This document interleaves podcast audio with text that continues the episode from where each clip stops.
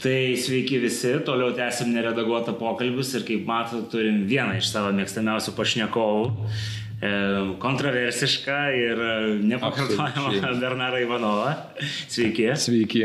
Ir kaip jau buvo žadėta, šiandien turėsim temą, nu, kuri yra, matyt, pamatinė politikos tema Europoje ir visam civilizuotam pasaulyje, tai yra liberalioji demokratija. E, yra daug, kurie šaukia, kad tai yra neigiama sistema, yra tokių, kurie sako, kad yra kažkokios alternatyvos. Tai va šiandien pabandysim pasiaiškinti e, nuo A iki Ž, e, kas ta liberalioji demokratija. Tai Bernarai, nuo ko čia galima atsispirti? Nu, nuo to galima atsispirti, kad apie liberalią demokratiją šiuolaikiniam pasauliu yra labai daug mitų. Ir pagrindinis mitas yra tas, kad mes gyvename girdi Lietuvoje, liberalios demokratijos sąlygomis, kad čia girdi liberali demokratija iš kažkur atsirado, kas yra žinoma visiška netiesa. Mm, čia nėra nei liberalios demokratijos, nei mm, liberalios demokratijos apologetikos kaip tokios. Yra mm, žmonių, kurie vadinasi save liberalais kažkodėl Bet jie, žinoma, nei iš tolo nėra nei liberalai, nei netgi neoliberalai. Ir aš juos netgi nepavadinčiau tais e, kairiaisiais liberalais, e, kurie irgi, kalbant apie Europą, irgi mažai ką turi bendra su ta tikrąją liberalią demokratiją. Bet aš daug kas kalbama prieštarauti, sakytų, pažiūrėkit, kokie mes liberalai, kokias teisės. Va, apie tai mes pašnekėsim, nes kalbėdami apie liberalią demokratiją mes turėsime kalbėti apie protestantišką etiką ir apie žmonės, kurie mm, dažnai būdami teologais kūrė teorinį pamatą arba, sakykime taip, atrado kaip fenomeną liberalią demokratiją.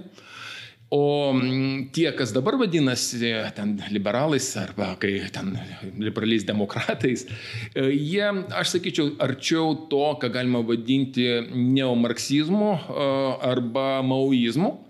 Nu, aš tiesiog galiu priminti, kad tai yra, pavyzdžiui, tokie lyderiai Europos pasaulio politikos, kaip antai dabartinis NATO vadovas, tai faktiškai maoistas buvo mm, ir mm, labai smarkiai į kairę. Baroso, buvęs Europos komisijos pirmininkas, irgi maoistas, dar iki šiol YouTube'as prisimena jo pamokas, ką reiškia būti tikruoju maoistu.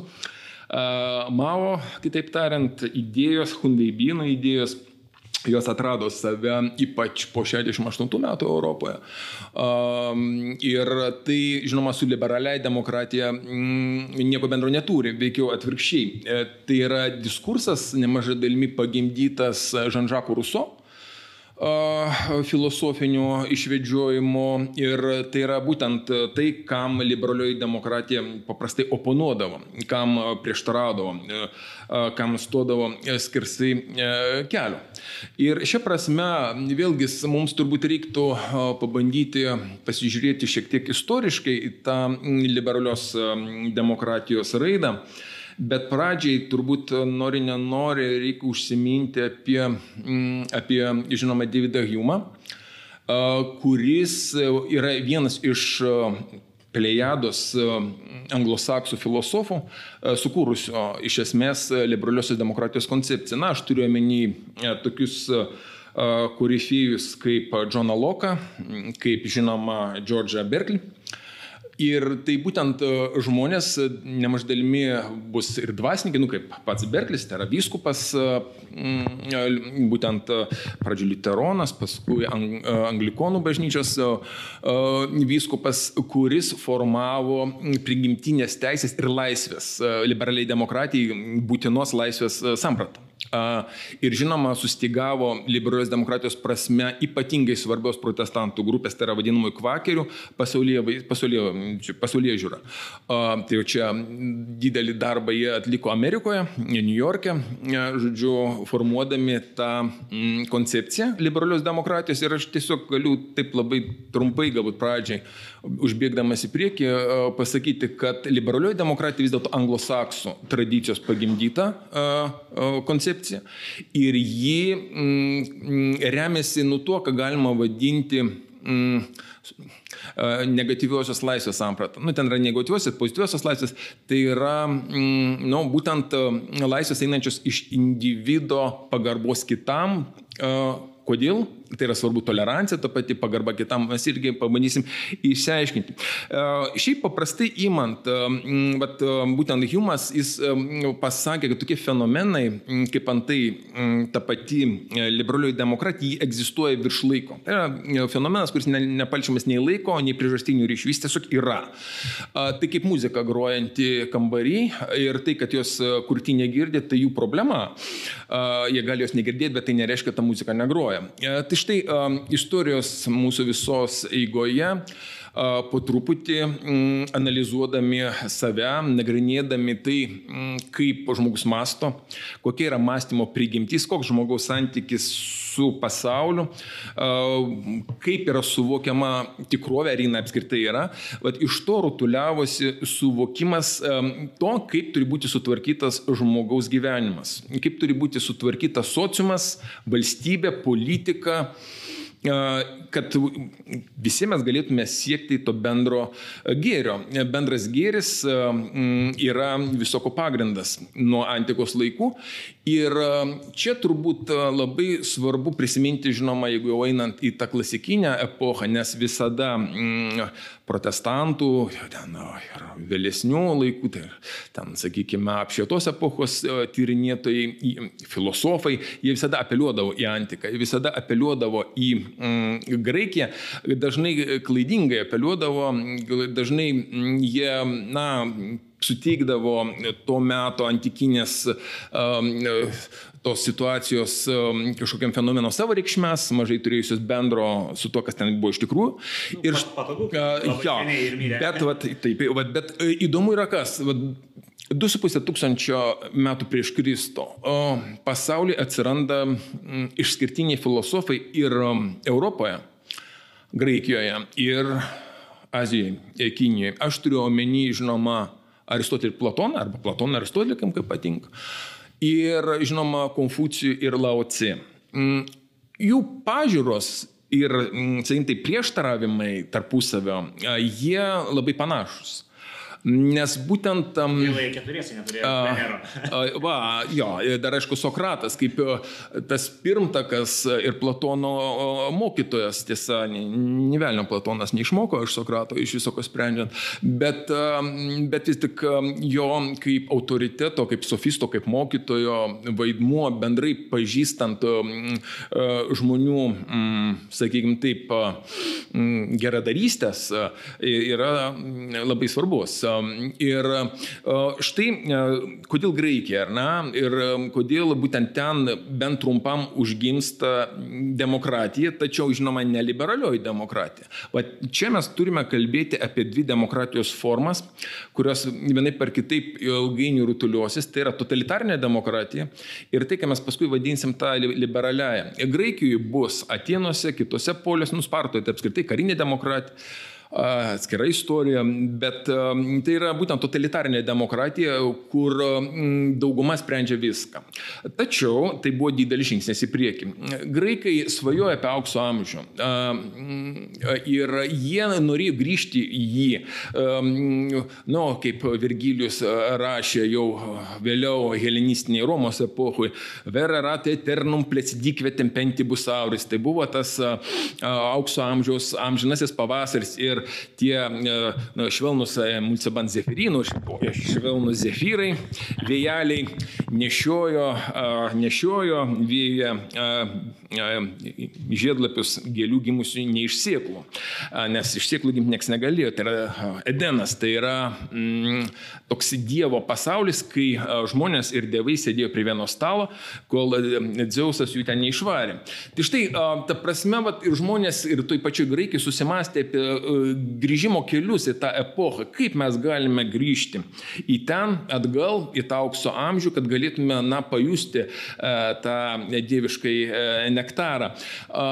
Ir keliai buvo sudėtingi. Bus drakono kelias, kai už bet kokį nusikaltimą mirties bausmė, bus periklio klystenio reformos, kaip tik prieš 4,5 tūkstančių čia metų, kai pabandyta vat, įvesti tą tokią demoso valdymo formą, kai dauguma sprendžia viską, kai tolerancijai nėra žinoma absoliučiai jokios vietos. Dauguma pasakė, bus šitaip. Visuomenė aukščiau individo, visuomenė karių, vyro, piliečių yra visoko pagrindas, jie valdo, atlygio negauna, yra loterija pareigybėms, jie traukia žodžiu, kas e, bus e, ten atinkamuose pareigose. E, ir, aišku, rinkimai metams kai kuriuom pareigybėm, bet du archontai, agora, tai yra aikštė, kur žmonės diskutuoja, štai tau eklezija, štai tau ariopagas seniai sėdė susirinkę. Va, ir žinom, viskas tiesiogiai, viskas tiesiogiai be jokių tarpininkų. Viskas vyksta, mm, žodžiu, vyrų bendruomeniai, piliečių bendruomeniai, O kam nepatinka, tegul iš čia, tai yra ostrakizmas. Arba, kaip su Sokratu nutiks, mirtis. Va, bet čia įdomi istorija Sokrato, žinoma, ir ji, aš sakyčiau, sukrėtė Atenus, privertė permastyti daugelį dalykų. Nu, ta demokratija tiesioginė Atenuose, ne, kodėl totalitarinė? O todėl ir totalitarinė, kad yra daugumos diktato demokratija, kai visuomenė išmeta moteris, išmeta svetimšalius, išmeta išmeta tuos, e, kurie nepatinka. O kai kuriuose poliuose apskritai buvo dar drastiškiau elgiamasi, tai yra mm, jie išsprendė ir gero įstatymo problemą, nes e, žmogus siūlantis įstatymo projektą buvo statomas ant kėdutės ir uždedama kilpa. Ir jeigu įstatymas būdavo nepriimamas, jį tiesiog pakardavo. Taip kad žmonės nesiūlydavo blogų įstatymų, kuriuos galėtų nepriimti dauguma. Tai yra daugumos diktatas. Nu, jeigu tu supranti, kad dauguma tavęs nepalaikys, tu nesiūlys, nes tai pakars tiesiog. O, va, ir šią prasme, so, va, ir, ir vat, e, tas pats Sokratas, jis e, suabejojo tokios sistemos, e, kaip sakyti, geradarybėmis, geradarystėmis, kad tai yra galbūt vis tik pernelik ritualizuota, pernelik formalizuota sistema, kuri neveda ten, kur jie nori eiti, tai yra į tą šviesų, ne, į tą šviesąją praeitį. Žodžiu, back to the future, ar ne, į tą aukso amžių, kur visi gerai gyventų. Bet čia vienas momentas, aišku, labai svarbus, tas susitelkimas, tas bendruomeniškumas, kodėl būtent e, gimsta demokratai Graikijoje, todėl kad gyvenimas sunkus, todėl kad e, be bendruomenės tu neišliksi. Tau akmenys ir uh, smėlis, uh, ant jų nekažin kas auga, tik, kaip žinom, alyvmedžiai ir avis ten ganosi. Taip kad tam, kad išlikti, reikėjo, žinoma, susitelkti, kokinijoje nebus, todėl Konfucijus tenais ir nugalės su savo pasaulyje žiūra, kad valdžia yra vėjas, o žmogus yra, žmonės yra žolė, kur vėjas pučia, ten žolė linksta vyksta. Ir jeigu kam nepatinka e, imperatoriaus nuomonė, pats kaltas liks be galvos. Nu, čia ta istorija ten žinoma Kinijoje, mm, kai atvežė, atvedė į rūmus e, Elnę e, imperatorius ir pasakė, čia arklys. Ir tie, kas pasakė, kad arklys tuos paliko tie, kas pasakė imperatorių čelnės, tiem nukirto galvas, kad, žodžiu, neprieštarautų. Va, Kinijoje įsivyraus tironija labai greitai ir ilgam dėl to, kad pernelyg geros gyvenimo sąlygos, trys dirliai per metus. Na, čia tokia ekologinė teorija, aiškinanti demokratijos prigimti. E, va, kodėl Graikijoje susiformavo. Jo, reikia sunkmečio, reikia to, kad žmonės e, dirbtų iš vien. Bet tai, kaip ir sakau, gimdo totalitarinė demokratija, daugumos diktato demokratija, tai yra demoso demokratija, kas iš esmės nepatiko patiko e, visiems filosofams, ne tik Sokratui, bet ir tam pačiam Platonui, žinoma, nepatiko, kuris buvo už aristokratiją, už, už valdovą karalių, filosofą, kuris su savo prievaizdais ten visus tvarko. Ir, žinoma, Aristoteliui irgi nepatiko demokratija, todėl išvedė politijos koncepciją kuri nėra tas pats, kas ta jau grinai demokratija ar ochlokratija arba ochloso valdžia, minios valdžia, tas e, minios ir daugumos e, valdžios modelis nepatiko irgi, nes, nu, e, minė tamsi minė žiauri ir jį, žinoma, irgi gali pridaryti labai daug bėdos, mm, nuvesti ne ten. Nu, o tas pats uh, Sokratas, jis um, vis tik uh, turbūt pirmasis pažvelgė į tą istoriją um, per, per žmogus prigimties prizmę. Jis suprato, kad tai, kaip veikia Atenų sistema, yra na, ne tas kelias. Jam labai nepatiko visų pirma ritualizacija visoko, formalizacija. Pasi, tas pasipuikavimas, jis karo veteranas buvo, jis matė mūšius, dalyvavo jis ir buvo drasus žmogus. Jis iš tikrųjų atspindi tą mensan in corpore sano principą, kai sveikam kūnė sveika siela. Ir jis kritikavo tą vat, būtent Atenų visuomenę, kritikavo tą tokį totalitarinį diktatą daugumos mažumai. Jam tai atrodė, nu kaip sakyti, blogų dalykų. Jis niekaip negalėjo suvokti to, kodėl jie didžiuojasi dalykais, nu, pavyzdžiui, kažkokie ten, kažkoks šaunumas, ar ne, ten narsa, kurio negali parodyti. Jis juk erzino ateiniečių savo tais klausimais agoroje, kai ten kokio nors kareivio klausdavo, kas tau yra svarbiausia, kuo tu didžiuosi, aš savo, savo narsą, nu, tu parodyk savo narsą čia, kaip tu jį parodysi, tu jos negali parodyti, tai yra tokia abstrakcija.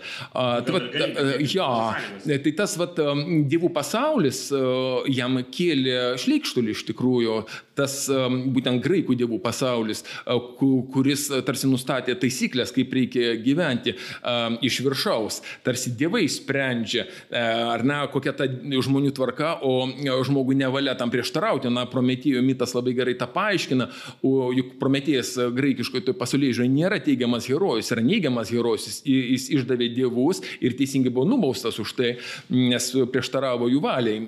Taip kad šią prasme mes puikiai suvokiam, kodėl tas pats Sokratas siūlė atnašauti nežinomam dievui, nes jam šitie dievai atrodė, nu, kaip kažkoks nesusipratimas. Atiniečiai labai gerbė, beje, Sokratą labai jį mylėjo ir jo nuteisimas tai buvo toks, nu kaip vėlgi formalus aktas. Jie negalėjo nenuteisti, nes pagal tuo metu galiojusias, galiojusias taisyklės jo draugas užkeiktas kabutėse Likonas, jis viską padarė teisingai. Jis, nu, va, ten įdomiai, įdomiai funkcionavo, visi atiniečiai galėjo būti teisėjais. Jis tiesiog rinkdavo konkrečiai bylai, va, trys teisėjus. Nu, va, Likonas su dviem jo bičiuliais išrinko Sokratų teisėjų.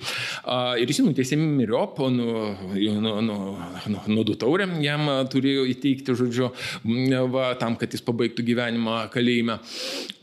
Ir viskas buvo teisėta. Tik tai atiniečiai suprasdami, kad formaliai tai viskas gerai, formaliai mes jo turėjom Sokratą nuteisti. Bet kaip sakė Leninas, formaliai tai viskas teisėta, bet iš esmės tai pasityčiojimas. Ar ne? Ir atiniečiai nubaudė ir teisėjus. Likonas ir tie du jo bičiuliai teisėjai mm, negaus nei gert, nei valgyt. Savaitę ir jie merdės Atenuose, kol galiausiai juos išmes kaip šunys padvėsusius ateiniečiai. Taip kad čia buvo jiems toks atpildas už Sokratą. Sokrato jie nenorėjo, mm, Sokrato mirties. Kalėjimo ten jokio nebuvo. Jis sėdėjo tiesiog tokioj laukimiai, ten tarp tokių grįvėsių su savo mokiniais. Ten nebuvo jokių sargų. Jis sakė, nu būk žmogus, nu išeiktų kur nors, ar ne, nu važiuoktų iš čia, nu, nu negerbtų tų nuodų, nu, nu klausyk, nu, nu mes viską suprantam. Bet sakė, ne, aš išgersiu, nes jeigu neišgersiu, jeigu pabėgsiu, tai kas man iš jūs prisimins? Va, ir išgeręs nuo taurę jis ištarė tą garsią frazę bičiuliui. Sako, nu, žiūrėk, atrodo, mes turėtume paukoti gaidį e, e, esklėpiui. Nes kada aukodavo antiniečiai gaidį? Tada, kada žmogus pasveikdavo. Va, taip, kad mirtis, jį, jis ją suprato kaip išsivadami, kaip pasveikimą iš to na, gyvenimo, kuris tuo metu buvo. Atenus nubėjo išdavystę kaltinius, juk e, pasveikino spartiečius, kurie užėmė Atenus, tenai pralaimėjo karą, o Sokratas jiems sakė, kariaukit, nu, kariaukit su, spa, su Sparta. Tada Platonas jau dar užklausė, tai palauk, palauk, ko tu čia siūlai kariauti su Sparta. Taigi sakai, kad karas baisus, karas niekingai e, žemas, užsiimas, sakė, ateiniečiai dar biuresni, dar niekingesni, gal karas ko nors, ko nors išmokys, sakė Sokratas. Tai va, tada 30 tų garsių oligarchų valdžia įsitvirtino Atenuose, jam reikėjo nugriauti sienas ir atiniečiai supyko dėl to ant Sokrato, kad jis žodžiu, palaikė oligarchų valdymą, o kodėl jis palaikė, jis norėjo, kad jie kažko išmoktų, kaž, kažko suprastų, kad nustotų vaidytis. Suprantate, čia įdomi istorija iš tikrųjų, nes ne tik ateiniečiai klausė Sokrato apie tai, kaip jiems nugalėti Spartą, bet ir vieno ten Indijos miestelio gyventojų to paties klausė būdos. Tuo pat metu, 4,5 tūkstančio metų atidomu, būdai irgi tuo metu gyvena princas Gautamas Itharta iš namūnį. Ir jie paklausė jo, nu kaip mums, tai jiems išdražė tokią ganėtinai konkrečiai politologinę, aš sakyčiau, tiradą ir jos esmė buvo tokia. Pradžioje išsirinkite savęs vertus valdovus, antra, nustokit kaitolioti įstatymus, santarvės siekite, susitaikykite, nesipykite, nu ir tada galbūt kažkas jums gausis, nes tol, kol nebus sutarimo, nebus vis tik kažkokio nu, bendro jūsų darbo, jūs niekada nelaimėsit. Va, taip kad, kaip ir sakau, mes turime skirtingose pasaulio vietose tuo metu m, panašias filosofinės koncepcijas, kurių likimas skirtingas. Bet atėnuose demokratija irgi ta tokia ir totalitarnė išsilaikys neilgai. Kaip antai ta pati segregacija ir moterų kėlė didelį pasipiktinimą didelės visuomenės dalies, nes moterų teisų ten neieškok. Nu, bet ar, ar, kažkokios alternatyvos tuo metu gyvavusios e, moterim kažkas? Mm, dar ne, bet pabandys tą alternatyvą sukurti, kaip žinia, Sapfo, ar ne, su savo draugėmis išsikėlusi Lesbo salą. Daugelis tyrinėtojų kažkodėl tai istorijai suteikia seksualinę potemę ko iš tiesų ten beveik nebuvo. Tokios poezijos, na, nu, sakykime, su tokiam perdėm romantiškom detalėm, buvo ir anksčiau, ir vėliau bus. Tačiau esmė ten buvo protestas. Protestas prieš e, vyrų šovinizmą, prieš e, tą vyrišką bendruomenę, kuri į moterį žiūrėjo iš aukšto. Joms neleisdavo dalyvauti olimpinėse žaidynėse, nu, bus atskirus ten tokios va, moteriams. Jos nebus įsileidžiamas į e, simpozimus, o iš tikrųjų išgertuvės ten. Ir taip toliau ir panašiai. Žodžiu, maksimum, kas iš moterų tarpo galėjo tikėtis, nu, kažkokios socialinės padės, tai tos vadinamos heteros. O heterų funkcija irgi pakankamai suprantama. Va, taip kad šią prasme, aišku, mm, su moterų padėtim toje vyrų piliečių visuomenėje mm, bus labai sudėtinga. Galiausiai dar daugiau, juk mm, tas pats Aristotelis, juk jis nebus atėnų pilietis, tai net į savo mokytojo Platono akademiją neįleis, jis negalės, tai bus net ir tokia segregacija, tu nesi pilietis, tu negali peržengti akademijos lenkščio, todėl vaikščiosi ratais aplinkui. Nu irgi smagu gavo į pravardę peripatetikai, nes vaikščiojo per tos vienuginus, peripatos, nu žodžiu, vaikščiojo, vaikščiojo, e, nu ir filosofavo, e, nu iš pykčio, na, ir vat, m, e, iš tiesų aš manau, mat, Aristotelio refleksija Platono mokymo apie tą valdovą idealistinė koncepcija, nes Platonas idealistas, žinoma, kad va, tas valdovas, kuriam Dievo duota valdyti, nu, jis kažkaip savaip suprato tą Dievą savo mokyto Sokrato, ne, tą, tą nežinomą Dievą, kuris įdeda valdovui proto valdyti, aukso valdyti. Ir Aristoteliui tai kėlė klausimų, tai palauk, bet tada kokie, kaip čia tai susijęs su žmogaus prigimtimu, tai tu gali įrodyti tai, kad tam konkrečiai įdėta aukso, o kodėl tam įdėta vario, tam dar kažko įdėta, kaip tai patikrinti, kaip tai verifikuoti. Ir verifikuoti to, žinoma, niekas negalėjo, todėl Platono ta filosofija ir laikoma autoritarizmo, tos tokios vat, diktatūros pateisimo filosofija kaip, na, nu, oponuojanti būtent jo mokiniui Aristoteliui, kuris vis tik pabandė pirmą kartą atsigręžti žmogiškosios prigimties klausimą ir būtent paaiškinti per prigimtinės teisės ir super laisvės koncepciją tą politinę socialinę žmonių gyvenimą, politinį socialinį gyvenimą. Jis turbūt vienas iš tų pirmųjų, kuris vat, pasakė, kad laisvė yra prigimtinė žmogaus dalis, tai yra žmogiškosios prigimties dalis, kad laisvė niekas nesuteikia žmogui, jis tiesiog jį atsineša gimdamas, jį ateidamas į, pasa, į šį pasaulį ir žmonės visi lygus, nes nėra nei vieno gimusio su grandinėmis. Kitas dalykas, aišku, mes pas Aristotelį randame vergovės pateisinimą, bet vergovės kaip bausmės tam tikrą prasme už skolas, už nusikaltimą, už nusikaltimus ir panašiai. E, žodžiu, šia prasme, nu, Aristotelis, aišku, irgi ganėtinai antinomiškas, ten yra tokių prieštaravimų, bet bendrai įmant, jo tas požiūris į tą žmogaus prigimtį ir tai, kad žmogus iš prigimties yra laisvas, e, jį suartina, aš sakyčiau, su Lao-C, kuris irgi plėtojo tą panašią e, koncepciją, to žmogaus prigimties e, koncepciją, kuri, kuri Konfucijui, žinoma, iš principo nepatiko, nes jis e, laikėsi vis dėlto dieviškos valdžios kilmės idėjos, kad vis dėlto Dievas paskiria valdovą, jį patę pavaldymui. Ir beje, čia buvo labai įdomi istorija, kai dabar kinai netaip seniai pastatė filmą apie būtent Konfucijų. Ir ten yra epizodas, kur Konfucijus moko Laoci tiesos, bando išaiškinti paaiškinti jam, kodėl jisai neteisus. Nusprendama, kodėl Konfucijus toks svarbus komunistiniam Kinijos režimui, nes jis pateisina jų, jų, jų, jų valdymą, jų egzistenciją, taip, filosofiškai. Nors Kinija toli gražu ne vien tik tai Konfucijaus ar na, tėvynė, ji tame tarpe ir to paties lauce, daosizmo ir žinoma budizmo. Iš budizmas jis ganėtinai išplito, jis išėjo iš Indijos, bet jis ir labai paplito būtent Kinijoje.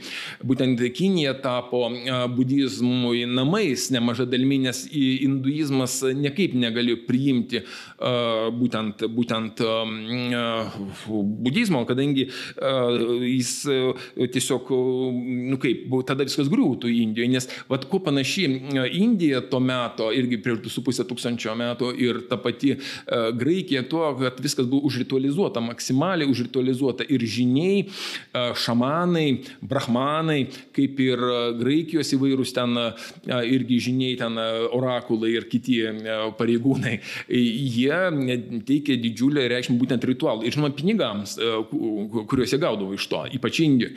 O, o, o Buda sakė, kad visą tai nesvarbu ir apskritai budizmas nepaprastai tolerantiškas visiems. Va beje, būtent budizmo filosofijoje nėra jokio skirtumo tarp moterų ir vyrų, visi absoliučiai lygos, pripažįstama visiems lygybė ir teisė būti kartu ir stovėti Dievo akivaizdoje, pažinti Dievą tą patį Atmaną Brahmaną. Ir turint omeny, kad Indijoje bus 29 oficialios vien tik tai tos religinės srovės, koncepcijos, mokyklos, nu kur ten dar budizmo rastis, ten vos džanizmas rado savo vietą, o budizmui ten su jo tokia, sakykime, nihilistinė pažiūra į espiritual į, į, į brahmanų vaidmenį, į galiausiai politiką, nu, ne, ne, niekaip. Todėl, aišku, aišku, Tibetas pradžiai, tik plėšikai tibetiečiai priemė būtent būdos mokymą, jie taps turbūt tais pirmaisiais, kurie nuodugnį bandys plėtoti tą pradžioje žodinę tradiciją, paskui rašinę tradiciją, rašinę tradiciją nuo, nuo, nuo, nuo turbūt pirmo kažkur amžiaus prieš Kristų, nu, žodžiu, bet tai įdomi istorija, nes prie budizmo filosofijos grįž apšėtos epochos filosofai Europos. Ir būdos tam tikri konceptai atras savo vietą ir suskambės naujai, tame tarpe ir, ir, ir Berklio filosofija, kaip be būtų keista, na, nors nekeista tikriausiai. Va, taip kad šia prasme, va, rutuliaustus dvi tokios koncepcijos, kaip sakiau, viena tokia aristotelinė, kuris sakė, kad vis tik iš žmogaus žmogaus eina e, tas dieviškosios laisvės ir lygybės e, principas, o kiti sakė, ne, atvirkščiai, ne iš žmogaus, o iš viršaus, e, per valdovus, per tos, kurie masto teisingai, kuriem į galvą aukso įdėta, kaip Platonas. Nu, Platonas apskritai bus labai toks pasipūtelis. Jis negalėjo filosofuoti niekur kitur, tik tai savo sostę ir tik tai savo akademijai. Jis negalėjo filosofuoti agorui, kaip jo mokytojas Sokratas, kuris filosofavo visur. Jam nebuvo jokios problemos. O jis ne, turėjo būti atitinkamos filosofijos filosofavimui e, sąlygos. Sostas, mokiniai aplinkui susėdė, nu aišku, vyno taurė, e, gero vyno, taip, nors ir atskėsto. Va, ir akademija, niekur kitur. Jeigu nemato akademijoje augančių kipariso, viskas, jis nefilosofuoja. Tai irgi daug ką pasako apie jį ir apie jo, nu, sakykime, tai požiūrį ir į pasaulį, ir į save, ir bendrai į visuomenę. Ir į valdžią, žinoma. Va, ir kas yra labai įdomu? Įdomu, kad ta koncepcija graikiška labai įdomiai plėtos būtent romėnai. Ir Romos Respublika perims estafetę. Nu, iš graikijos demokratijos labai greit nieko neliks. Jos užkariaus, prijungs ir Nu taip, tas pats Aleksandras Didysis, kuris beje daugelį idėjų išplatins po pasaulį savo žygių metu, turim helenizmą, bet išplatins savotiškai, jis išplatins tą tokią koncepciją helenistinę, platonišką daugiau, kuri jam atrodys patrauklia. Nu jis kaip, jis nuėjo pas orakulą paklausti labai paprasto klausimo, nesakyk, Delfo orakulai ar aš esu, ko galėtų paklausti, ar aš esu Dievas. Ir Delfio orakulas, apsirūkęs, aišku, kaip visada, ja, sakė, tikrai taip, tu Dievas varyk, visus nugalėsi, žodžiu. Sakė, a, aš jums sakiau, va, čia, sakant, ja, žodžiu, viskas suprantama, ja, čia ir Diogeną dar sumušė niekšas, nes jis norėjo pamatyti Diogeną gyvenantį statiniai, tą sketą didį. Ma, ir kai Diogenas pasakyti, saulė maštuoja, tai jis sakė, nu, nieko išvilgti iš bačkos ir parodykite, kur vežiai žiemoja. Saulės užsimanė mane. Va, jis išplatino, bet tą e, kitą koncepciją, tą tokią platoniškai. O platonizmas, žinoma, jis atgims e, ir Romoje. Mes apie tai irgi žodį turim tart kaip neoplatonizmas. Cezarizmas. Bet Respublika, Romos Respublika iki pirmo amžiaus prieš Kristų, ji, aš sakyčiau, akumuliuos labai įdomias tos, vat, įdomias tendencijas ateinančias, žinoma, iš Graikijos, tos demokratijos tendencijas, bet atsiras vienas esminis elementas, kuris būdingas liberaliai demokratijai, tai yra atstovavimas. Atsiras toks institutas kaip senatas kaip senatoriai. E, suprantama, kad sistema, kai gyvena ten mieste, nu, ten keliolika tūkstančių žmonių, tu gali viskas spręsti tiesiogiai. Tu gali susirinkti ten, kas negerai, ten nuspręsti, kas blogai, kas gerai ten. Irgi nesutvarkyti, o kai yra jau teritorija didelė, reikalingi atstovai. Tai vat, atsiranda senatas. Ir vat, kas yra svarbu, Romoje pradeda kurtis institutai.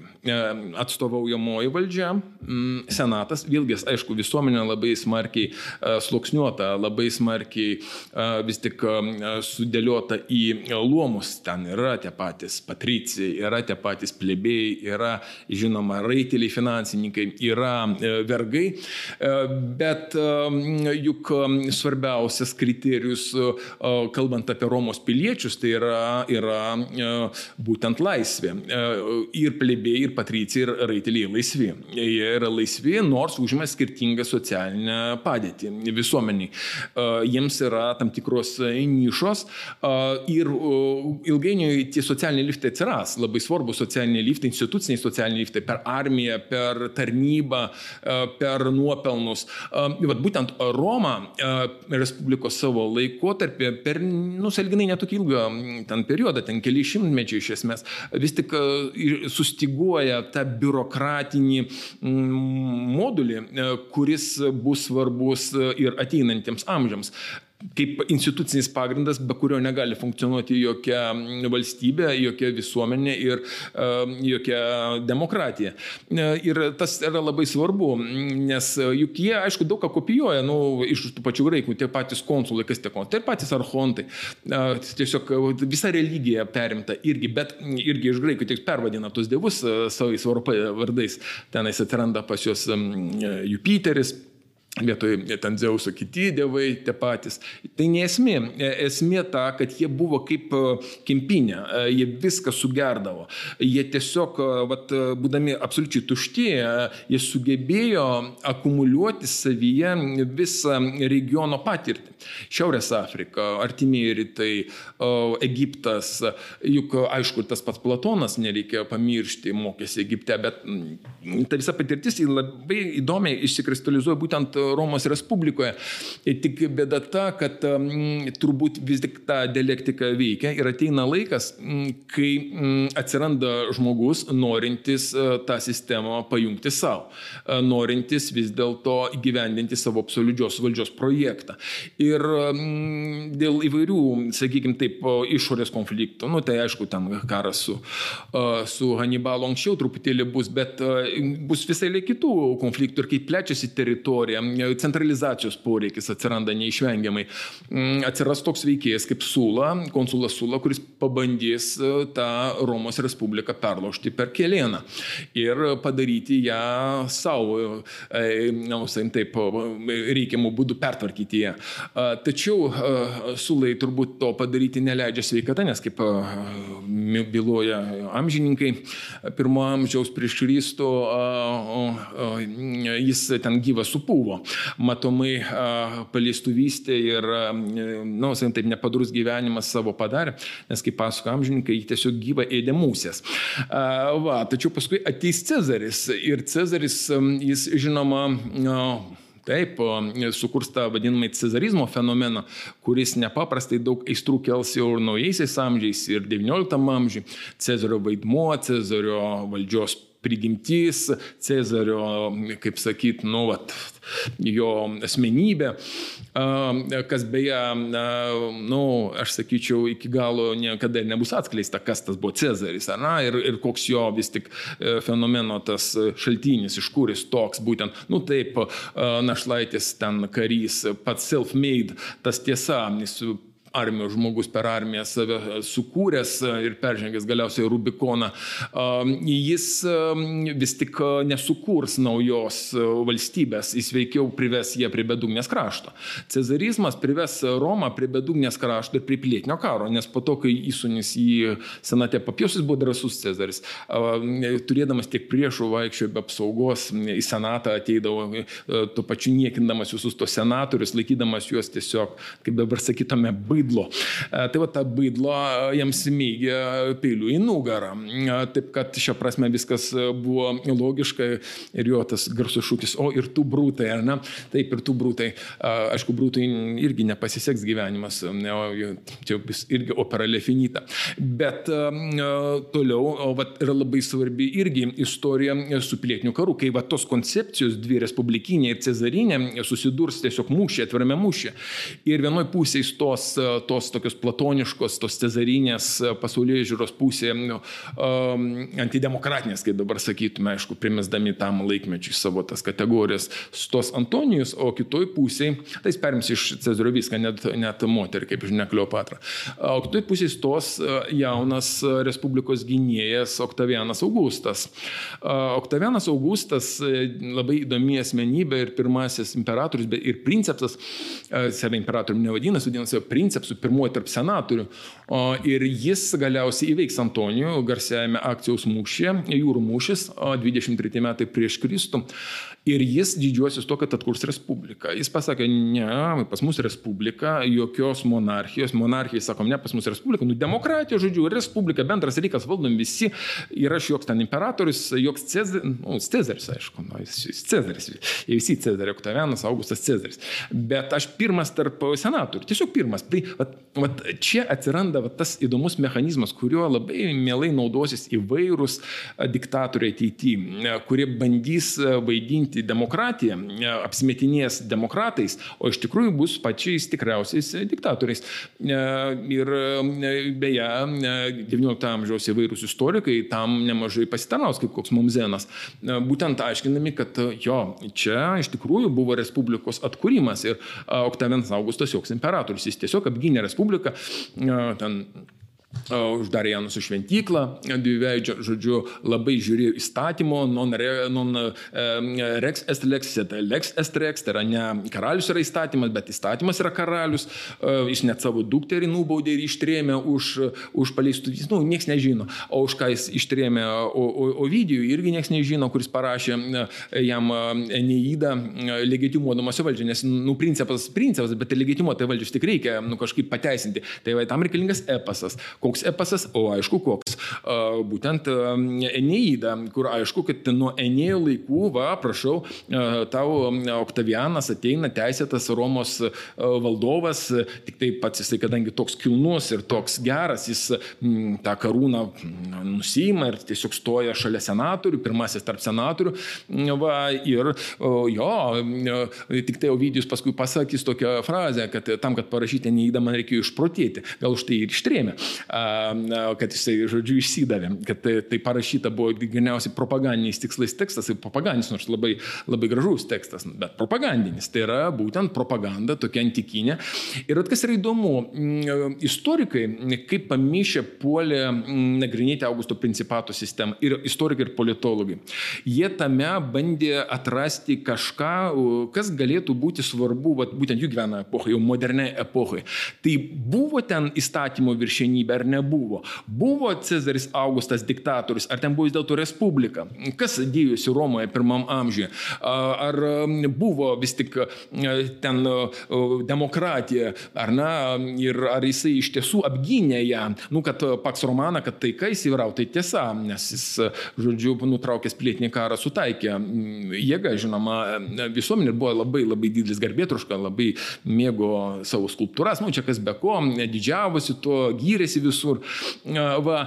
Ir štai anglosaksai, ten toks Andrew Donaldas istorikas sako, kad ten buvo du dalykai vienam flakonė, nu kaip buvo šiandien. Ir tas ir tas, kad tipo ir moralinis autoritetas, ir įstatymas, nu tipo toks dualizmas tarsi sistemos. Ir jis sakė, vat, nu, tai panašiai kaip ir anglosaksų toj tradicijoje, va tos liberalios kaip demokratijos tradicijų, kur ir įstatymas, ir tas vat, autoritetas Dievo, Dievo tarno, vyskupo, žodžiu, kad viskas apjungiama tarsi, nu, karaliaus arba prezidento, jeigu kalbėtume apie Ameriką, mes iki to tikiuosi dar ateisim. Va, taip kad, žodžiu, interpretacija buvo būtent va, tokia, anglosaksiška. Iš tikrųjų, turbūt atsakymą duoda, kokia buvo to mūsų Oktaviano Augusto valdžios prigimtis ateinantis imperatoriai. Ir visų pirma, Tiberijus ir toliau einantis kiti. Paskui jį Tiberijus, kuris valdys nuo 14 metų, išlaikys tą inerciją tokio saliginai, nu, kaip pasakyti, žmogiško režimo arba režimo žmogiškų veidų, tik tai, nu, kiek pirmą savo pusę valdymo, o paskui jam nuneš stogą, nes vis tik valdžia pasirodo ir absoliučiai ne, nepribota nieko. Cezaris Augustas sunaikino visus institutus, kurie galėtų riboti jo valdžią galėtų jį atsverti. Ir laikėsi jis tik tai savo asmeninių savybių pagrindų. Ta prasme, jis pats savo neleisdavo kažkokių ten drastiškų dalykų, nu ten masinės skerdynės kokias organizuoti, išžudyti politinius oponentus, nuodėti ten, nu kaip koks nerunas. O jau e, jo įpėdiniai, e, įpėdiniai jie, jiems nunešė stogą.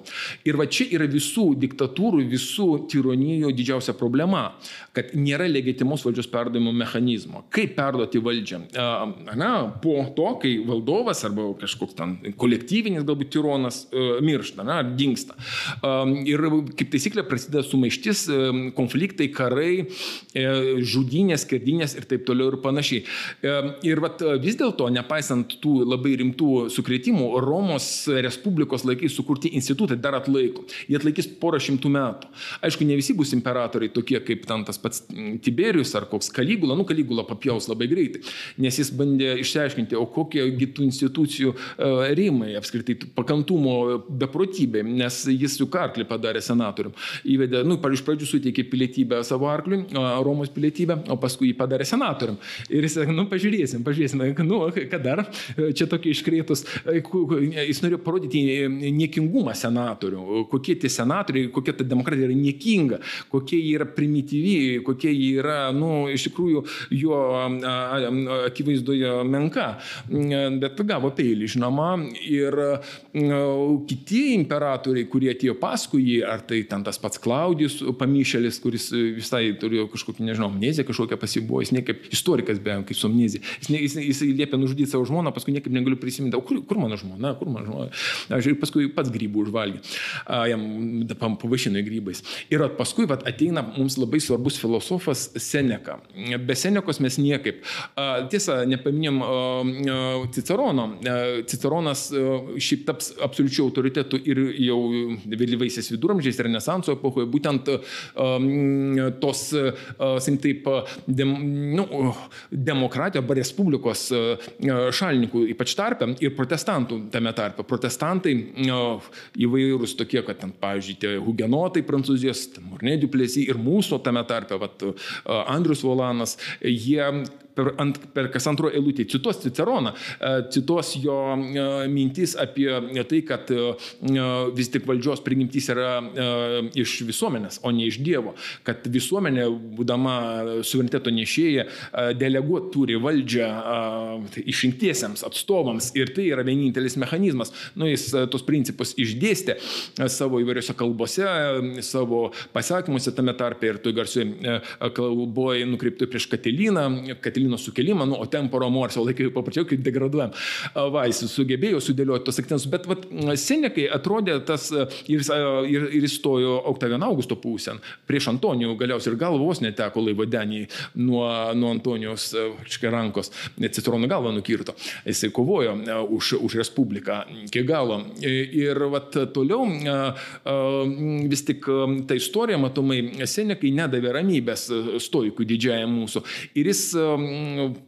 pagalvojo, kad galbūt jam pavyks grįžti, nu, turbūt prie to Oktaviano modelio per valdovų išūkdymą, išauklėjimą. Ir tas valdovas, kuris nusprendė išauklėti tinkamai, kad jis būtų toks demokratiškas, bet tuo pačiu, tuo pačiu ir, ir autoritetas, būtent Neronas. O, o, o Neronas jis buvo vaikinas labai pradžioje mažaraštis, jis vaikystę leido uždarai, buvo apleistas motinos Ir paskui, kai jis gavo tą mokytoją Seneką, nu jis nekažin ką iš jo nulybdė. Ir aišku, paskui prasidėjo Senekos, aišku, prasidėjo kompromisai su sąžinė, kas galiausiai baigėsi labai liūdnai. Jam teko nusižudyti, apkaltinant, apkaltinant jį sąmokslų prieš Neroną, o Neronui teko irgi smeigti, tiesiog jis nepats smeigė, jo bičiulis atleistinis vergas smeigė jam peilių, ne pats jis nesugebėjo to padaryti, nes jau prie turiečių gvardija ten jau stovėjo visai, visai šalia ir būtų bet kokia atveju Neronas suplėšusi gabalus. Va, bet tos pamokos bendrai Romai davė nemažai peno apmąstymams ir ateis valdovai, filosofai, tokie kaip tas pats Markas Aurelius, kurie, nu, aš sakyčiau, bandys konceptualizuoti to valdovo valdžią, atsižvelgiant į vis tik ir to plepso, tos platesnės visuomenės interesus, nes juk Roma pastoviai eis būtent tos, nu, sakykime, taip, liaudės teisų plėtimo keliu, ne, kad liaudis jį, va, štai, irgi turi teisės, ten, va, jums suteikti reikia ir plėpsų atitinkamas teisės, va, štai vergai atleistiniai irgi vis daugiau ir daugiau buvę vergai gaudavo teisų. Ir galiausiai krikščionybės ateimas ketvirtam amžiui taps labai svarbių žingsnių būtent tą linkmę, kad mes visi lygus ir visi prieš Dievą stovim, kas ilgainiui, žinoma, nu, aš sakyčiau, ves prie naujų, sakykim taip, konceptų ir naujų idėjų. Šiek tiek prašokant, reiktų iš karto turbūt pasakyti, ką, kad svarbiausias mums apmastant valdžios prigimtį ir demokratiją, jos raidą, bus, žinoma, Šventas Augustinas, 5 amžiaus krikščionių filosofas Šiaurės Afrikos, kuris postuluos dogmatą būtent predestinacijos, antrinės predestinacijos dogmatą kad viskas Dievo valiai ir visa tai, kaip žmogus gyvena, yra Dievo valioje, kad Dievo valia yra absoliuti. Kad uh, jeigu valdovas yra blogas, uh, reiškia Dievo bausmė, reiškia visuomenė turi paklūst. Uh, suverenitetas priklauso Dievui, Dievas deleguoja valdžią valdovui ir jokios čia demokratijos iš principo būti negali. Ta prasme, sukilti prieš valdovą reiškia sukilti prieš Dievą.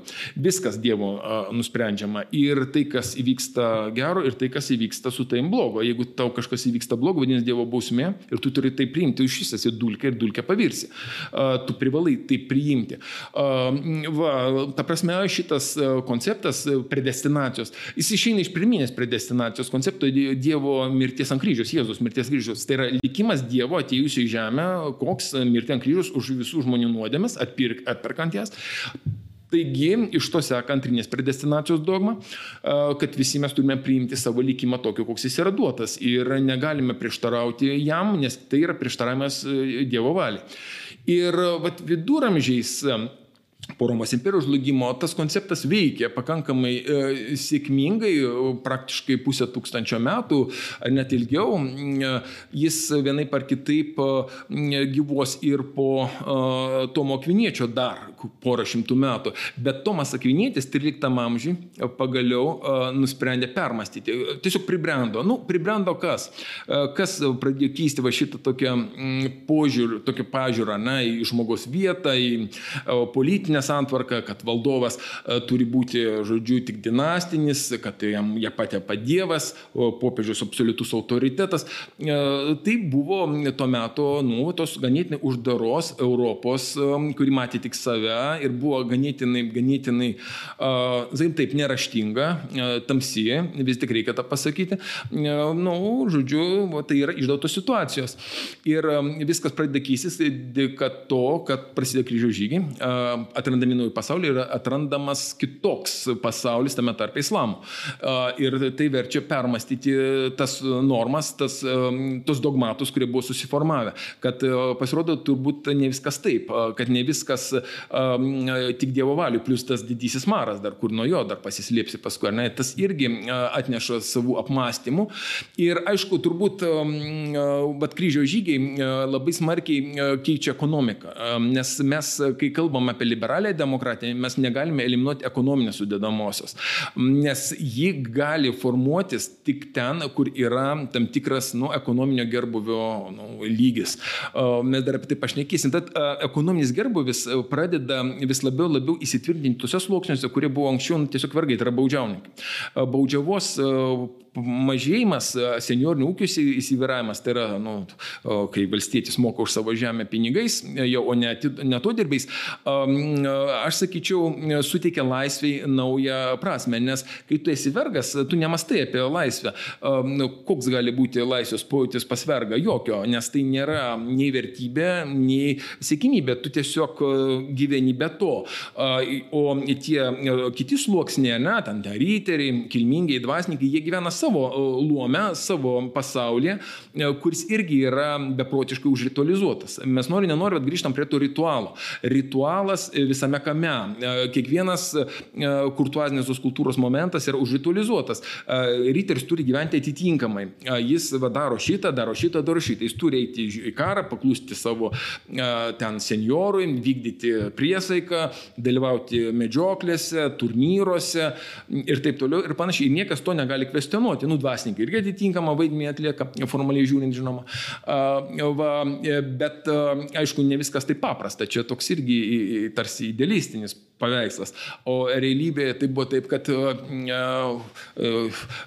kliūny reforma 10 amžiuje, kai vienuoliai neapsikentė kliūny pasauliečių įsivyravimo dvasininkų luome sukyla prieš tai reikalauja juos išmes, nes jie atitolina nuo Dievo bažnyčią, diskredituoja ją visuomenės tarpę, o visuomenė, kaip ir sakau, po truputį, po truputį kelia galvas. Ji pradeda mąstyti, nes, nu, pavalgė, tiesiog sakant, sakim taip, jau išeina iš tų viduramžių, buvo jau karolingų renesansas, buvo tam tikrai postumiai va, ir paskui tas garsusis konfliktas su o, imperatoriaus Šimtos Romos imperijos ir, ir popiežiaus e, e, Grigaliaus, kuris baigėsi, žinoma, imperatorius pralaimimu.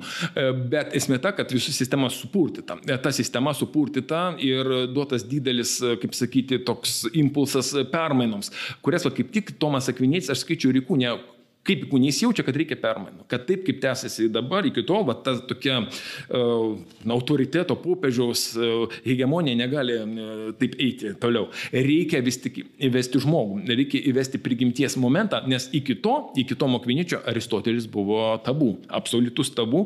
Nu, pamėm, romano ro, Rožės vardas, užnuodyti puslapiai, tu bibliotekoje uždraustos žinios, vienuoliai saugo, niekam nerodo, paskaitai, paspjaudai pirštą ir numeriai, kad niekam tą aristotelišką tiesą, etiką jokią tenais ne, ne, nepaskleistum. Tad Tomas Akvinėtis jis e, vis tik e, sutaiko e, sutaiko savo teologikoje, kitose darbuose Aristotelį ir katalikišką, krikščionišką būtent filosofiją. Taip gimsta tomizmas ir atsiranda būtent prigimties įstatymo ir laisvės idėja ten jis ją vadina dieviškąją prigimtimi.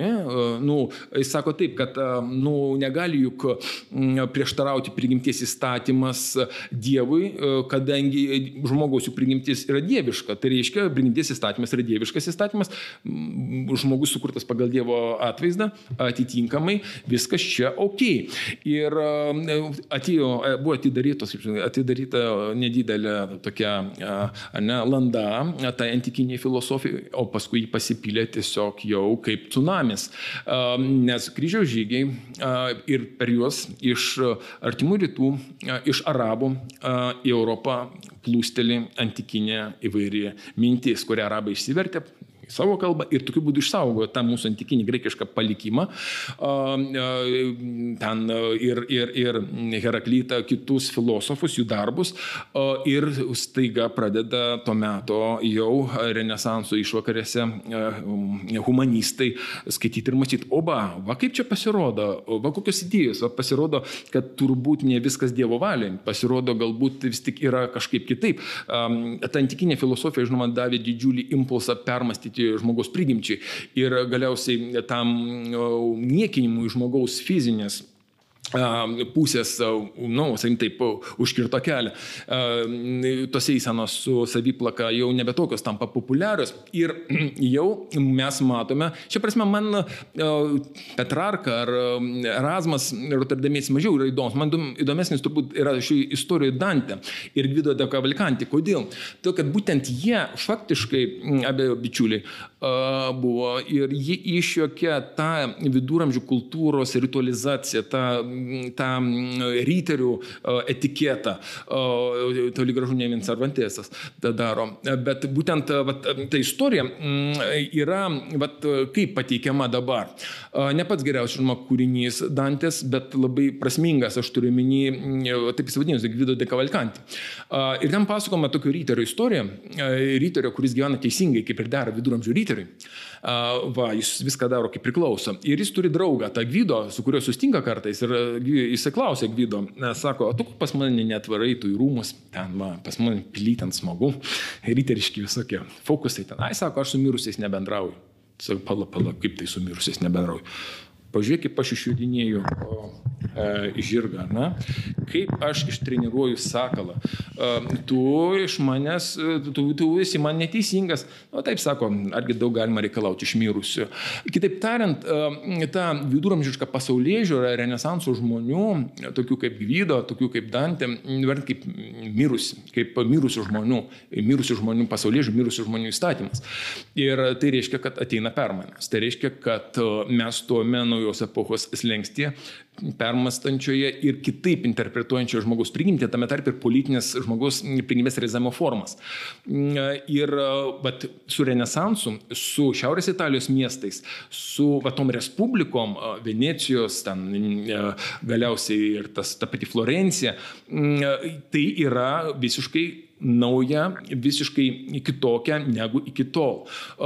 Su visai, visiškai kitais principais, su visiškai kitais idealais ir visiškai kitokiu požiūriu į žmogų. Keičiasi požiūris į žmogų. Pradžioje estetinis, sakykime, taip aspektas, o jau paskui ateis filosofinis ir jau etinis, sakyčiau, turinio prasme svarbus, kai e, susimastys įvairūs visų pirma protestantų teologai būtent apie tai, o kaip reikia užtikrinti tą teisę teisingą žmogaus santyki su, su Dievu ir su valdžia ir koks tas valdžios pavydalas turi būti. Ir va čia, aš sakyčiau, va, Janas Husas šiek tiek paskubėjo. Jo, paskubėjo, todėl buvo sudegintas ant laužo. Bet jo idėjos Jano Huso, jos, ko puikiausiai pas Martyną Liuterį atsiskleis. Ir pagrindinis juk ten messages, kaip dabar sakytume, o juk popiežius ne autoritetas. O kur jis autoritetas? Liuteris muša per silpniausią vietą. Jis beda Bibliją pirštų ir sako, o juk čia nieko nėra apie tai. Kažkas paminėta, Petras Akmo, nu, gali taip interpretuoti, gali šitaip. Ir jis keliautų, aišku, ant laužo, bet jis nekeliaus ant laužo dėl to, kad turės užtarėjų. Todėl, kad jo pusėn stos um, ryškus, sakykime, taip valdovai, uh, ryškias asmenybės, tironai beje dažnai, bet jiems bus kas svarbiausia. Mm, pažaboti popiežiaus valdžią eliminuoti tą viduramžišką modelį, kaip popiežius sprendžia viską, kai Šventus Romos imperatorius buvo pasiustas į Kanosą ir paskui ėjo kelias apie popiežius rūmus prašydamas atleidimo maišų, apsirėdęs ir virvė perstrišęs, bet atleis po trijų dienų popiežius. Va, čia Henrikas IV toks buvo į Kanosą išvarė. Jo, ten daug ką tada išvarydavo, ten vedusius kardinolus išvarydavo iš Milano. Jo, daug ten visko, tik to, apie viską neįmanoma pasakyti, bet um, esmė ta, kad iš tikrųjų protestantai protestantai keičia požiūrį į, į visų pirma santykių su Dievu. Ir santykiai, požiūrį į santykių su savo prigimtimi. Kas yra ta žmogiškoji prigimtis ir kaip įveikia. Ir va čia yra svarbiausias būtent dalykas kaip sutvarkyti bažnyčią ir sutvarkyti tikėjimą, e, būtent atsižvelgiant į mm, tą faktą, kaip sakė protestantai, kad e, popiežius nėra autoritetas, kad popiežius nėra ir kad e, dar daugiau negali būti jokių ten išventinimų kunigų. Juk apie tai irgi nieko nepasakyta, kodėl kuningas turi būti išventintas, sako protestantai. Juk jis yra toks pats kaip bet kuris kitas. Kodėl jam suteikiama funkcija, pavyzdžiui, išpažinti, nu, atleisti už nuodėmes, tai? Nuodėmė išpažinimas, kodėl žmogus jam turi eiti išpažinti nuodėmes, dar indulgencija nuodėmčių, dar jis jiems sumoka, jo, ir dar gauna atpirkimą tų nuodėmių, kurios dar bus padarytų. E, tai va, e, šitas dalykas, aišku, ir Martiną Liuterį, ir kitus protestantus liuteronus labai labai erzino. Ir žinoma, tai bus e, labai rimto pokyčio pradžia, nes Nes e, atsisakant e, popiežius autoriteto, valdovai, kodėl buvo taip suinteresuoti, e, jie, nu, sakant, galėjo praskleisti sparnus. Jį virš jų daugiau niekas nestovi. Tas pats Anglijos valdovas Henrikas VIII, daug patystę, kuris griešino smarkiai ir kuris norėjo ten eilinį kartą vesti ir popiežius jam neleido, sako, dabar aš būsiu bažnyčios galva, anglikonų. Na, vad bus anglikonų bažnyčia. Jis, aišku, vienas iš tų pamišelių valdovo, nu, o istorija žino, ten 3-4 pamišelius valdovas, tai vienas iš jų, bet koks skirtumas, jis atskyrė anglikonų bažnyčią, Anglijos bažnyčią nuo, nuo Romos ir atsirado šiek tiek vėliau, kaip dažnai būna, šiaip Britanijoje taip jau nutinka, kad visi svarbiausi filosofai ne anglai, arba airiai, kaip Berklis, arba škotai, kaip Džonas Knoxas. Ir va, Džonas Knoxas, o labai įdomi asmenybė, stovi paminklai, žinoma, pastatyti, jis teologas ir filosofas, aiškinęs valdžios prigimties problemas ir moterų klausimą, moters valdovės klausimą. Nes tuo metu, kai jis kūrė savo filosofiją, Anglija pradeda valdyti Elžbieta I. O Elžbieta I kaip valdovė šiuo atveju nu, reikalavo atitinkamo autoriteto, tai netai buvo lengva. Ir e, Džonas Knoxas, matydamas jos požiūrį protestantizmą, matydamas jos požiūrį į tai, kaip turi sutvarkyta būti visuomenė, jis kam atstovauja? Atstovauja miestiečiams. Dar vienas labai svarbus elementas, kaip gimsta liberalioji demokratija. Pradžioje jį gimsta iš Britanijoje, sakykim, tai pradžia, pradžia, paktas arba alijansas tarp valdovų, absoliučių valdovų ir uh, trečio luomo, tai yra ir miestiečių.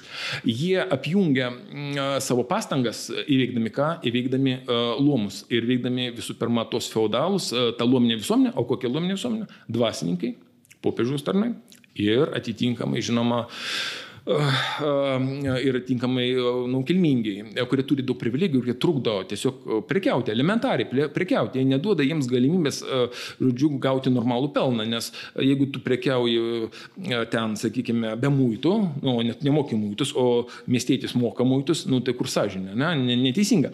Ir va čia, va, tam, kad vis tik visų pirma pagrysti valdovo sakykim taip, ir to miesto trečiojo luomo alijansą. Ir Džonas Noksas randa daugybę argumentų, paaiškinančių, kodėl moteris valdovė, atstovaujanti būtent platiems visuomenės sluoksniams, yra, yra geriau negu bet kas kitas. Tiesiog e, dar vienas toks labai prieštaringas dalykas ten įsivelia, nes vienu atveju pasi moteris valdovė yra gera, o kitu atveju yra labai labai bloga. Tai yra apie Mariją Stuart, jis kalba labai blogai, apie Škotijos beje katalikę valdovę, nes Marija Stuart yra košmaras, jam tai yra belnių įsikūnymas ir verta tik tai vieno mirties. Na, aišku, ir nukirsė galvą Elžbieta vienai par kitaip. Ir jo, bet jis klojo pamatą, aš sakyčiau, kam, lygiai teisiškumo vis tik principų. Džonas Knoxas, jis vis tik, kadangi kovoja prieš luomus, kovoja prieš segregaciją, kaip mes dabar sakytume, kovoja už moterų vyrų lygybę, o tam pagrindo buvo ir iš anksčiau.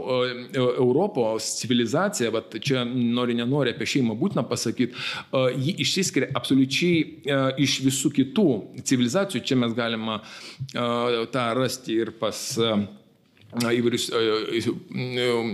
teoretikus analizuojančius civilizaciją. Būtent tas šeimos modelis, krikščioniškos šeimos modelis, kur vis tik vyras ir moteris yra lygus, moteris nėra objektas, moteris yra subjektas. Ir vat, dabar tas subjektas paklėjimas naują lygmenį, kad moteris valdovė yra ok, kad moterų vaidmo politikoje gali kuo puikiausiai būti realizuojamas ir kad nėra tam jokių apribojimų, jokių, taip sakant, nu, barjerų. Ta Džonas Noksas savo, sakykim, taip samprotavimuose apie politiką, apie visuomenę, apie valdžios šaltinį, nes visi žmonės yra valdžios šaltinis, nors va ta suvereniteto koncepcija vis tik siema ne su juo, o su kitų filosofų, tai yra su Žanu Bodenu vis dėlto. Nesvarbu, bet esmė juk vis tik yra ta, kad jis tą supranta ir jis tą pozicionuoja. Tai buvo konjunktūra, galima sakyti, tai buvo, žinoma, nu, kaip pasakyti, tos epochos poreikis trečiojo luomo interesams atstovauti, taip, nustumant kitus ir įveikiant politinius priešus, nu, kaip ta Marija Stuart, bet koks skirtumas bendro tikslo prasme, jeigu kalbėti apie daugiau ar mažiau sažiningą kažkokią politinę formą, tai yra gerai. Ir toliau, aišku, tas pats Žanas Bodenas labai jau ten konkrečiai kalvinistai tie patys, prancūzijos hugenotai, nu kas yra kalvinistai, aišku, kalvini, Jonas Kalvinas su savo, su savo bendražygiais Teodoru Beza, kitais ir žinoma, hugenotai tai irgi kalvinistai, kaip beje ir puritonai, puritonai, Anglijos puritonai taip pat kalvinistai, tik tai vadinasi, reformatai, kalvinistai yra tas pats. Ir vat, jie iš esmės būtent ir uh, sako, kad uh, suverenitetas priklauso tautai kad valdžios šaltinis yra e, tauta ir predestinacijos dogmai mes sakom ne. Kad predestinacijos dogma, kurio pagrindu faktiškai funkcionuoja ir popiežiaus autoritetas, e, turi būti eliminuota, nes apie tai nieko nėra. Žmogaus santykis su Dievu negali eiti per tarpininką. Žmogaus dieviška prigimtis, negali būti jokio kunigo išventino, kuris turėtų ir at, nu, išišimą duotų. Išišimą gali duoti tik Dievas. Ir tu stovi Dievo akivaizdoje, drebėdamas ir tu atsakomybę e, turi prieš Dievą. O čia labai svarbu, mm, kad e, būtent protestantai, kalvinistai, jie va tą atsakomybę prieš Dievą e, postuluoja labai aiškiai ir vienareikšmiškai, kad nėra jokių ten tarpininkų, nėra jokių ritualų. Nu, kas tai yra, ta išpažintis tuo metu? Tai yra ritualas. Tu ateini arba sumoki pinigus, arba pasakai, va, aš nusidėjau, aš padariau tą areną. Nu, jau gerai, 50 kartų tėvė mūsų, ten sveika Marija, dar tiek kartų ir viskas bus gerai. O tu 10 žmonių nužudėjai, gal ar ne? Bet va, tai, tai, tai blogai, taip negali būti, sako protestantai. Ir galiausiai kontrformacija sakys taip pat, Ignacas, kad taip negali būti. Ir ta reforma, kad reikia bančias nemaž dalimi bus padaryta būtent, būtent mm, kaip atsakymas pozityvus atsakymas katalikų bažnyčios reformacijai. Taip, kad katalikų bažnyčia irgi pertvarkys, nes jį norės išlikti ir ačiū Dievui.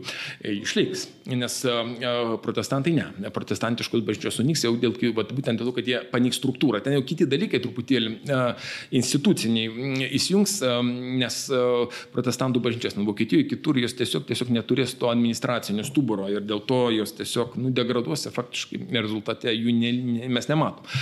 Skate parkai dabar bažnyčiose. Formaliai. Formaliai jo, formaliai iš tikrųjų. Bet tuo metu, vat, iš tikrųjų, aš pasakysiu, labai svarbu būtent suvokimas to naujo ekonominio gyvenimo. Nes vienaip ar kitaip liberali demokratija, kaip sakau, ir ekonominė gerovė dalykai ėja, kaip sakyti, vienas šalia kito arba iš vien. Nes juk, šia prasme, turbūt Janas Aldhu, Johanas Aldhūzijus mums svarbus būtent, kad jis kalba apie miestiečių korporacijas. Jis kalba apie miestiečių korporacijas ir apie tai, kad tos miestiečių korporacijos yra vienintelis kelias apginant miestiečių interesus, politinius interesus, ekonominius interesus, kovojant su feudalų, nu, tų luomų savivalę ir kad jiem reikalingas atstovavimas. Reikalingas politinės atstovavimas, nu, per parlamentą ir, aišku, apeliacija antikinę patirtį, ten citatos, Ciceronas, Seneka, balažino dar kas, viskas sudėta, nu, nu vis tiek ta scholastika dar, dar veikia, mokslas dar vis tik nemažai scholastinis ir apeliavimas į autoritetą reikalingas. Kaip pasakė dydis tas Galenas, ne, nu ne Galenas, jis medikas, bet tas yra nas, ten Aristotelis tas pats. Ne, vat, vat, va šitaip turi būti jo, Aristotelį apeliuoja absoliučiai visur. Aristotelis, Ciceronas, Ciceronas, Aristotelis. Kas antroji lūtė Cicerono citatą, kas antroji, kas trečioji lūtė pas tave bus ten Aristotelio citata, kurie reikalinga. Nu čia kaip, žinot, kaip pas Marksijos, tos lininės epochos jau tos, va, ne, mokslininkus. Būtinai reikia pradėti nuo Marksų citatą, paskui Lenino citatą, nu paskui rašyk, ką nori. Va, svarbu, kad būtų, svarbu, kad būtų. Tai va, jiems irgi tas rūpėjo, kad būtų paminėta, bet svarbu, kad jo, čia kas tos korporacijos, Johano Althusijos, tai yra faktiškai pilietinės suomės institutai. Tai jau nėra vien tik tai kažkokie cechai, kažkokios gildijos tokios uždaros, bet tai yra tokie jau labiau atviri ir, nu, sakykime, paslankesni dariniai, jau galima juos vadinti e, būtent pirmtakais tos pilietinės suomės instituto. Captive Society, ne, kas įsitraukimas, dalyvavimas. Ir neišvengiamai, žinoma, absoliutizmas, jis su tuo susidurs, nes miestiečiai įveikia, įveikia būtent kilminguosius, įveikia privilegijas, jie susidurs veidas į veidus su monarchais, su absoliutiniais valdovais. Ir prasidės revoliucijos. Žinoma, revoliucijos tai yra labai svarbi istorija, kalbant apie tų naujų politinių formų gimimą. Tame tarpe, vat, Niderlandų revoliucija, Niderlandų revoliucija, kurios metu man labai patinka tas epizodas su Gento miestiečiais. Na, Gentas yra Belgijos miestas, jo simbolis yra kilpa. Jo, kilpa, kilpa, kilpa, taip, taip, kilpa. Ir reikas, nu ten ta istorija labai paprasta, ten dinastija ispanų nusprendžia tos prakeiktus Olandus patvarkyti, nes jie, nu, priprekiavo, praturtėjo ir praturtėję pradėjo kovoti už savo teisės, pradėjo kovoti už savo um, turtą, už ne, nemokyti mokesčių, ne, nepalaikyti valdžios, savo valdžią kurti, užsimanė. Va, ir, aišku, pasiuntė jiems tam kunigaikštį Alba. Nu, Alba toks buvo pagarsėjęs sadistas ir e, įvairių genocidų autorius, jis e, su pasimėgavimu žudė moteris ir vaikus, nužudė dešimtis tūkstančių, nu, va, ir jis atvarė į Gentą, va, su savo nedidelę karį, jis ne su nedidelė kariau, nu, kaip su priešininkais tokiais, ne, va, atvarė. Nu, ir jau išrikiavo burmistras su juo, su magistratu aikštėje prie katedros, ten prie rotuškų prie rotušės su baltom draubulėm, su kilpom, ten jau jos toj kars. Nu, jis alba trina ranką, nu, eilinį kartą pakankinsiu, jums, jums kaip su žarnokės be žarnokų. Va, ir staiga, ir staiga. Gentiečiai. Gentiečiai, visi su baltom draubulėm, su kilpom ant kaklų ir su dalgiais susirinko aikštėje ir pasirodo, kad jų tris kart daugiau negu albos karių. Uh, Nu, sako, tai tada tu ir mus pakark, būk jau malonus. Užteks tau jėgų mus visus pakart kartu su mūsų burmistru ir magistratu, kurį mes išsirinkom. Jis, aišku, pasakė, nu, kadangi pas mane šiandien kilni nuotaika, tik to, aš visą šiandien nekarsiu, kitą kartą. Nu ir tai greit susiviniojo. Ir dingo jis iš ten. Na, nu, aišku, Niderlandų revoliucija ilgai tęsis. Ne, dar beveik 80 metų revoliucija, 80 metų bet jis savo pasieks. Žinoma, ir čia mums šią prasme, liberalius demokratijos gimimo prasme, turbūt įdomesnė Anglijos revoliucija vis dėlto, tai yra jau 17 amžiaus vidurys. Ir um, čia yra kas labai uh, svarbaus. Uh, svarbu yra pats kontekstas, uh, filosofinis kontekstas. Anglosaksai jie mm, labai didelį padarė proveržį būtent um, plėtodami kalvinistinę pasaulyje žiūrą, to paties Jono Kalvino, Teodoro Debezos lygybės, laisvės įstatymo prigimties ir, žinoma, konstitucionalizmo. Uh, nu, ne tik šiuo atveju jo, būtent mums svarbus Džonas Lokas, 17 amžiaus vidurys, bet ir Hogrocius, kuris irgi plėtojo mm, tą pačią prigimtinio įstatymo ir prigimtinių laisvių koncepcija, kad visi lygus, laisvi ir, žodžiu, negali būti niekaip varžomi mm, dėl bet kokių savo, sakykim, taip, ten ypatybių. Ir beje, kas yra įdomu, reikia mums pasigirti, kad turime Andrių Volaną ir jo tekstą iš 16 amžiaus pabaigos apie plėtį ir politinę laisvę kuriame jisai dėsto labai panašias konstitucionalizmo idėjas, kurias turi Hugo Grocius 1710 metais. O Valanas rašo savo tekstą 60-metį, 16 amžiaus. Tai yra, nu, prieš 40 daugiau metų. Mm, taip kad, aišku, Valanas susirašinėjo su hugenotų lyderiu iš Prancūzijos Morne Duplessis, yra tie laiškai išlikę dokumentai, kurie diskutavo tas piliečių teisės, protestantizmo, kalvinizmo, mm, etikos kalvinistinės, nu, žodžiu, įgyvenimo politikoje principus, na, pagal Ženevos Respubliką, kur ten, kaip sakyti, šaltinis viso ko, kur Kalvinas ir sėdėjo. Ir štai Džonas Lokas, jis sako, ką, nu, iš tikrųjų jis postuluoja teisę į sukilimą. Teisė į sukilimą, teisė revoliuciją. Pasaulyje yra vienintelė konstitucija, kurioje yra numatyta teisė į sukilimą. Vienintelė. Aišku, tai ne Anglija, ne Britanija, kadangi jie iš konstitucijos neturi. Nekingi Britai. Bet JAV konstitucija. Tiksliau, ne konstitucija, dešimtojo JAV konstitucijos pataisa. Šitas Džono Loko principas teisė į revoliuciją prieš tironiją, teisė į revoliuciją prieš diktatą, jo buvo pagrista, nu, ganėtinai nuosekliai, logiškai analizuojant žmogus prigimties įstatymą, apjungiant antikinę patirtį, kalvinistinę etiką, nu, visą tą protestantišką, žodžiu, bloką teologų per bušnelį socialinės politikos teorijos kūrėjų, kaip pats, tas pats Teodoras Debeza, kuris kažkodėl minimas dažniausiai kaip teologas, nors jis būtent kūrė socialinę politinę teoriją visų pirma.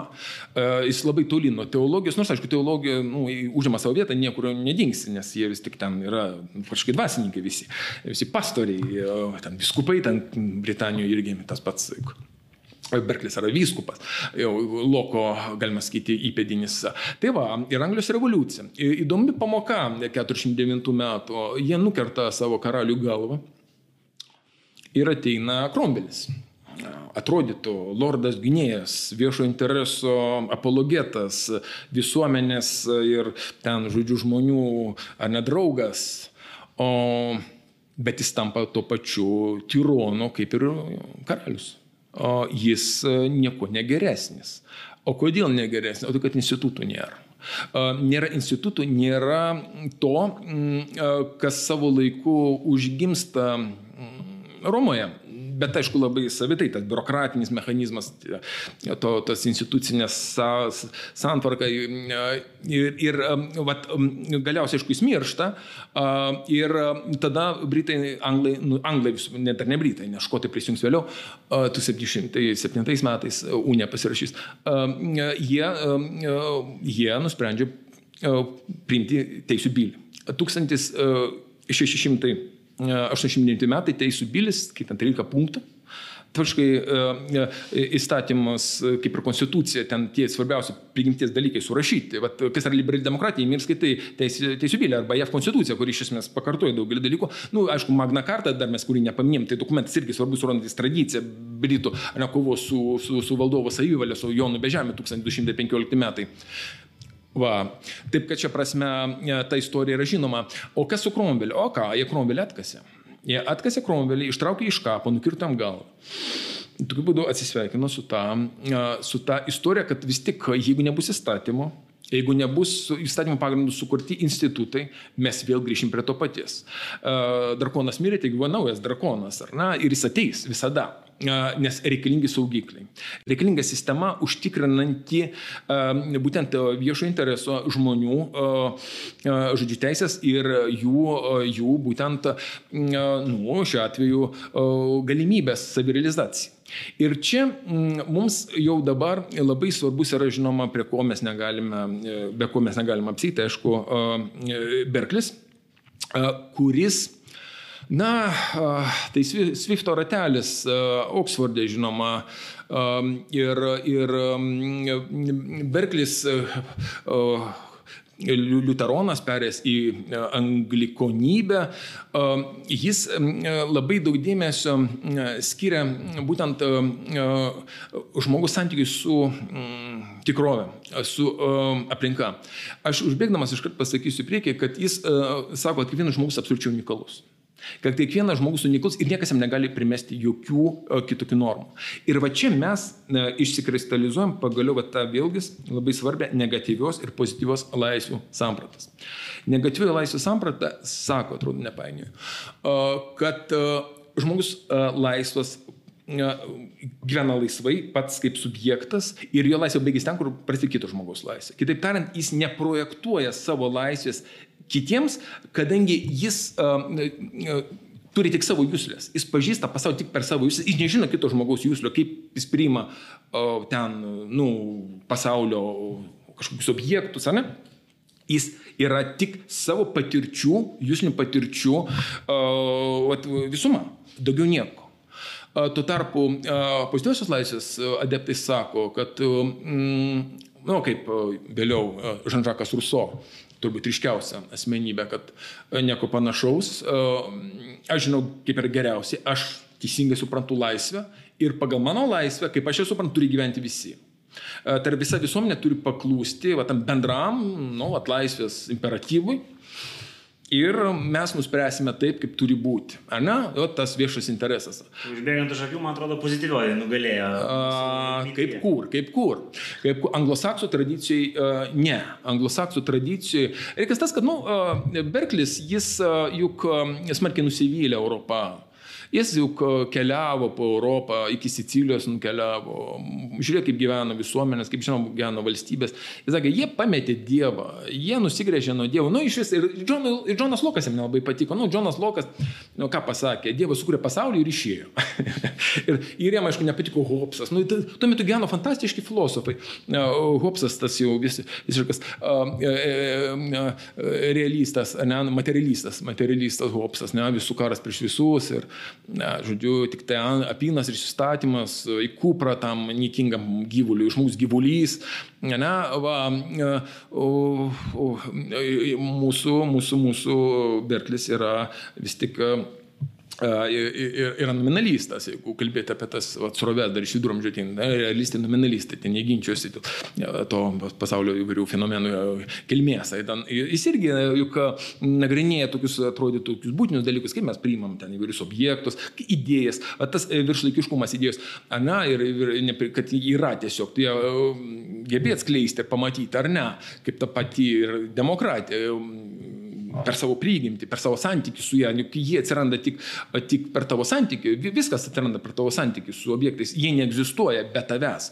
Uh, Vat, na, ten, kaip studentam aš, nu, nu, kavos aparatas stovi pas mus ten, na, da, jis ir iš kur yra dabar. Kol tu prie jo neprieisi, kol tu jo neįjungsi, mygtuko nespausi, uh, tol jis nebus tau kavos aparatu ir, tu, ir jis neegzistuoja. Ir tai jis egzistuoja tuo metu tik tau, ne, vat, tavo santykis. Tu, tu nežinai, koks yra santykis kito žmogaus su to pačiu objektu, ne, su stalu, su padėliu, su idėja. Todėl tu negali primesti tos idėjos savo suvokimo kitam. Tu turi, tai yra tolerancijos Esmė, tolerancija ateina iš tos dieviškos žmogiškosios prigimties.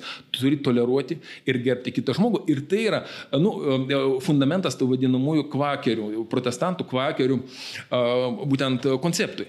Beje, Berklis ir sustigos kvakerių pasaulyje žiūra, protestantų kvakerių, kurie Amerikoje suvaidins labai svarbu vaidmenį, būtent formuojant politinę sistemą JAV. Tai yra New Yorkas, tai yra šiaurės ta, ta pusė, nes Amerikoje visada bus dvi grupės, sakykime, žmonių ir dvi priešingos stovyklos. Bus kvakeriai, o bus uh, tie patys puritonai e, pietuose, Virginijos valstija, nu, žinot, piligrimai, visa ta kita, padėkos diena, uh, irgi piligrimai. Ir jo, bet grįžtam prie to nusivylimų, Berklio nusivylimų būtent uh, Europą ir to, kad jie nusuko į, į, į, nuo, nuo Dievo, jis nukrypo jo žvilgsnis į, Ameriką. Į Ameriką ir jis turbūt pirmasis pasakė, go west. Va, va, va, go west tai ne šiaip ten, uh, village, village, ne, village people, jo. Uh, tai, tai ten iš tikrųjų ten daina apie gyjų paplūdimį. Uh, va, iš tiesų, ten, va, tai, konotacija yra tikroji šita. Paskui ten jau Pečobojus dainai kita buvo duota konotacija, jau ten sovietų sistemos griūtis. Jis sakė, bet jo, go west, jis turi įvairius... Jo, jo, jo, paplūdimys į vakarus. Nu, tai 19 amžiaus pabaigoje Amerikoje tai bus tas vakarų frontieras Voltero dar ne epizodas, kai buvo duodama žemė akrai tiem, kurie kelsis kolonizuos Ameriką. Nu, po to, kai bizonus iššaudė. Va, ir indienai išmirė na, visi.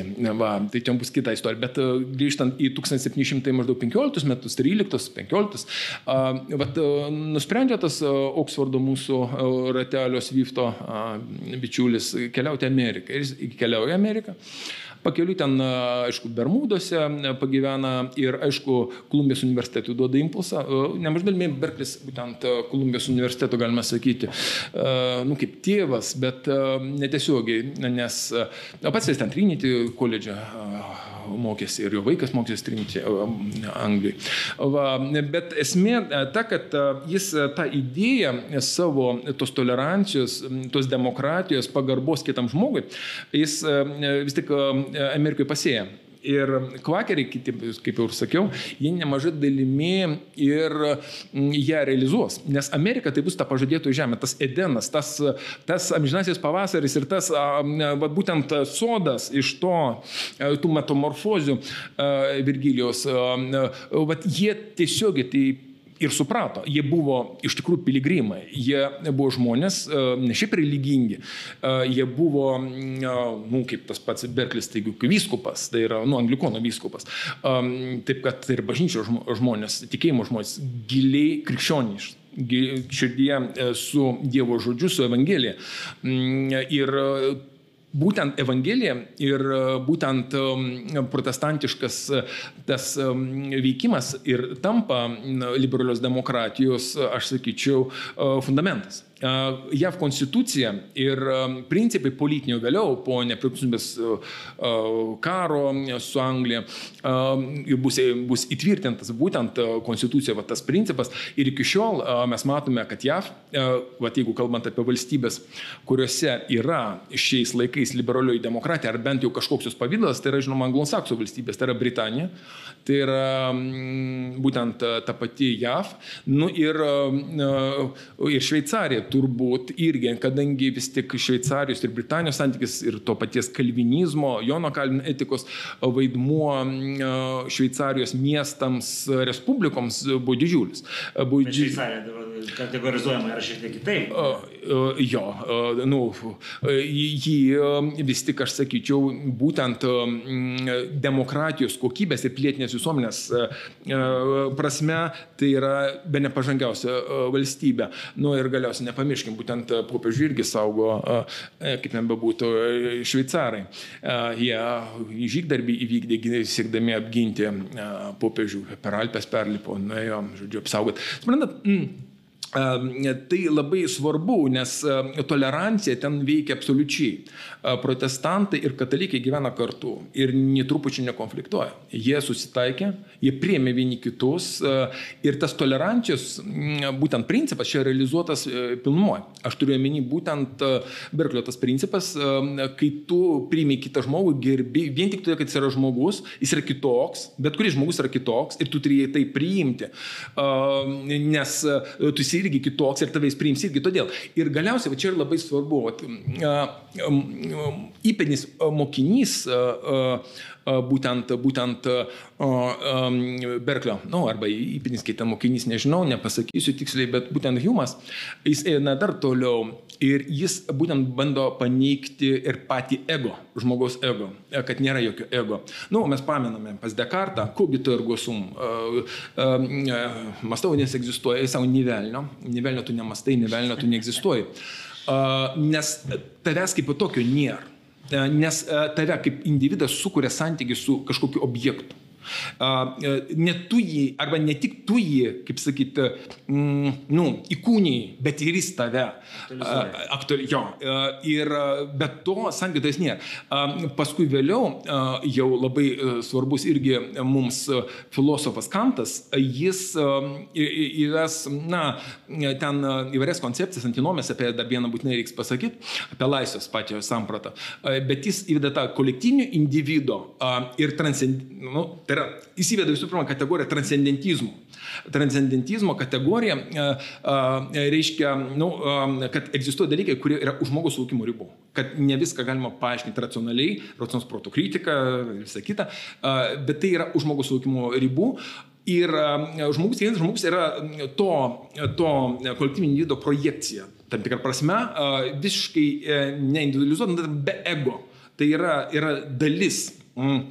To tiesiog projektuojama į tą vat, konkrečiai e, aplinką, tą situaciją, į tą santykį.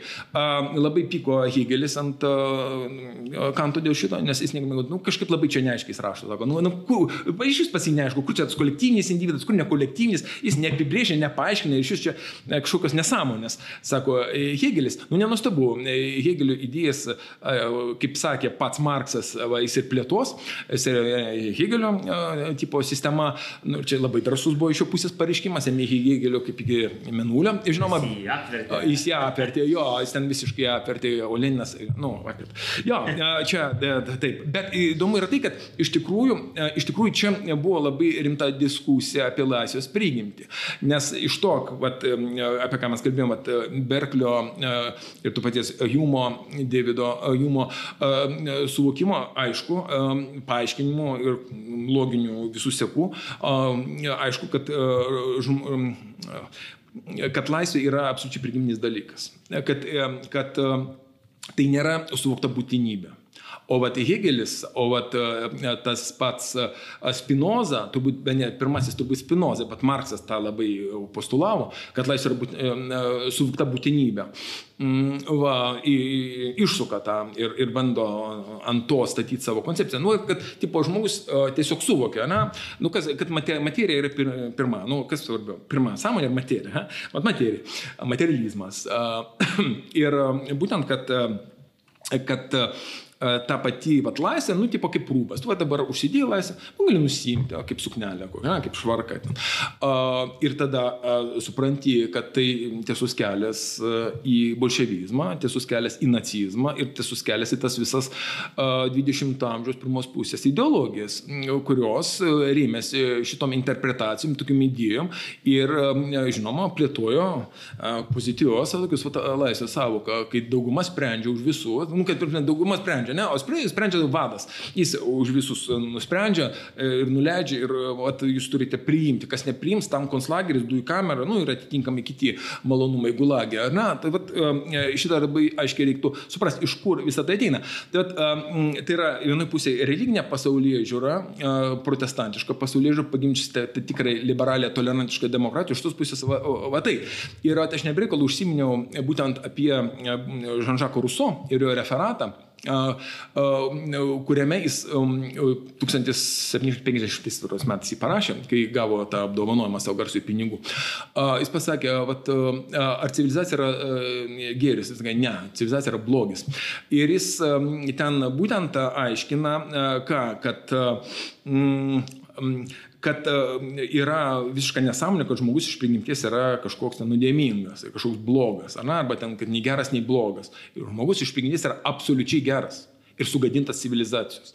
Kad jį, e, kaip, va, jis sako, pavyzdžiui, va, aš save stebiu, uh, va, matau save, analizuoju, reflektuoju ir suprantu, kad visa, kas man yra bloga, tai yra iš civilizacijos. Ir kad tikroji ta mm, žmogaus būsena, tikroji geroji būsena, tai yra, nu, Šiaurės Amerikos indienai. Vat gentise gyvena. O va, ten yra tikras tas geras žmogus. Va tas indienas, nu, ten sėdintis jautis, ten rujuojantį lapę, dar kas nors.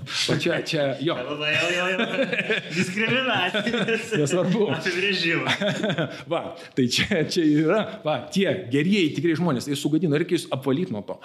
Reikia jūs išvaduoti nuo to, mm, nuo tos civilizacijos, tų saitų, nuo tų visų veidmainiškų, visų tokių moralinių normų. Čia praktiškai pirmą kartą buvo pasakyta, pasakyta tiesa netiesiogiai, kad reikia išsivaduoti nuo tos e, chimeros sąžinės faktiškai. Na, nu, kas yra sąžinė? Na, sąžinė ir yra tai, kas duota Dievo prigimties, e, va, žmogus prigimtie. Na, tai yra iš Dievo, iš to kolektyvinio individo ateina sąžinės suvokimas, kas yra gerai, kas yra blogai. Uh, va, šito, nu, šito, šito reikia įsivaduoti. Nebereikalo Prancūzijos revoliucijos ryškiausios žvaigždės, tokios kaip tas pats Maksimilijonas Robespieras, dievino Ruso ir Jakobinai Jakobinų diktatūrą rėmėsi Ruso. Vat tai yra vat, tas modelis, kuris būtent pirmą kartą pilnų grožių atsiskleidžia per Prancūzijos revoliuciją. Ir nebereikalo Leninas sakė, kad bolševikas sukuria požiūris į Jakobinus. Jeigu tu priimi Jakobinų politiką ir terorą visų pirma, tada tu esi bolševikas, teisingas bolševikas. Jeigu tu ne, jeigu tu drebi prieš tai, ką Jakobinai darė, prieš upės kraujo, prieš ten giljotinavimą tūkstančių žmonių, nu, tai tu esi tada ne bolševikas, o nekingas menševikas, kuriam vieta suprantama kur. Va, taip kad šią prasme, va, tų pasaulyžių susidūrimas, iš vienos pusės totalitarinis, iš tos pusės liberalios demokratinės, jis, aišku, labai ryškus tarp tų filosofinių srovių 18 amžiaus prancūzų ir, ir, sakyčiau, vokiečių ir anglosaksų. Nes būtent daugiausiai prancūzų filosofai, turbūt vėlgi subjektyviai, tai sakau, būtent tą Ruso idėją plėto. Ir čia labai įdomus dalykas. Pas Ruso yra toks dar vienas tekstas, kuris daug kas suklaidina. Ne? Nes kalbam apie konstitucionalizmą, kalbam apie įstatymą, ne? kad konstitucija, JAV konstitucija, ten svarbus dokumentas, nepaprastai tvirtinęs liberalios demokratijos postulaus, o pas Ruso yra visuomenės sutartis. Ne? Vat, tai aš sakau, va, sinonimai. Visuomenės sutartis yra konstitucija. Um, Ne visai. Visuomenės sutartis pas Ruso yra siaubinga istorija iš tikrųjų. Siaubinga. Ką reiškia visuomenės sutartis pas e, Ruso? Tai reiškia, kad žmogus visuomeniai deleguoja visas savo teisės. Visas absoliučiai. Jam lieka viena teisė. Nu, kokia? Teisė būti žmogumi. Jis turi tik tą pirmą pradžią žmogumi, o visos kitos teisės uh, keliauja uh, visuomeniai ir jos, sakykim taip, sukurtai politiniai formai valstybei. Ir toliau pas Ruso tenai yra viešo intereso konceptas labai įdomus.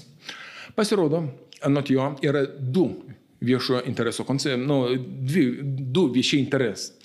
Vienas interesas tos visuomenės, kiekvieno individo, suvokiamas ir kaip visuma, o kitas yra tas abstraktus valstybės suvoktas visuomenės interesų ne, suvokimas. Ir va jis yra aukščiau to, kuri gali postuluoti pati visuomenė. Kitaip tariant, jeigu visai taip suvulgarant, valdžia žino geriau. Valdžia žino geriau, o tu bidla sėdėk ir tylėk.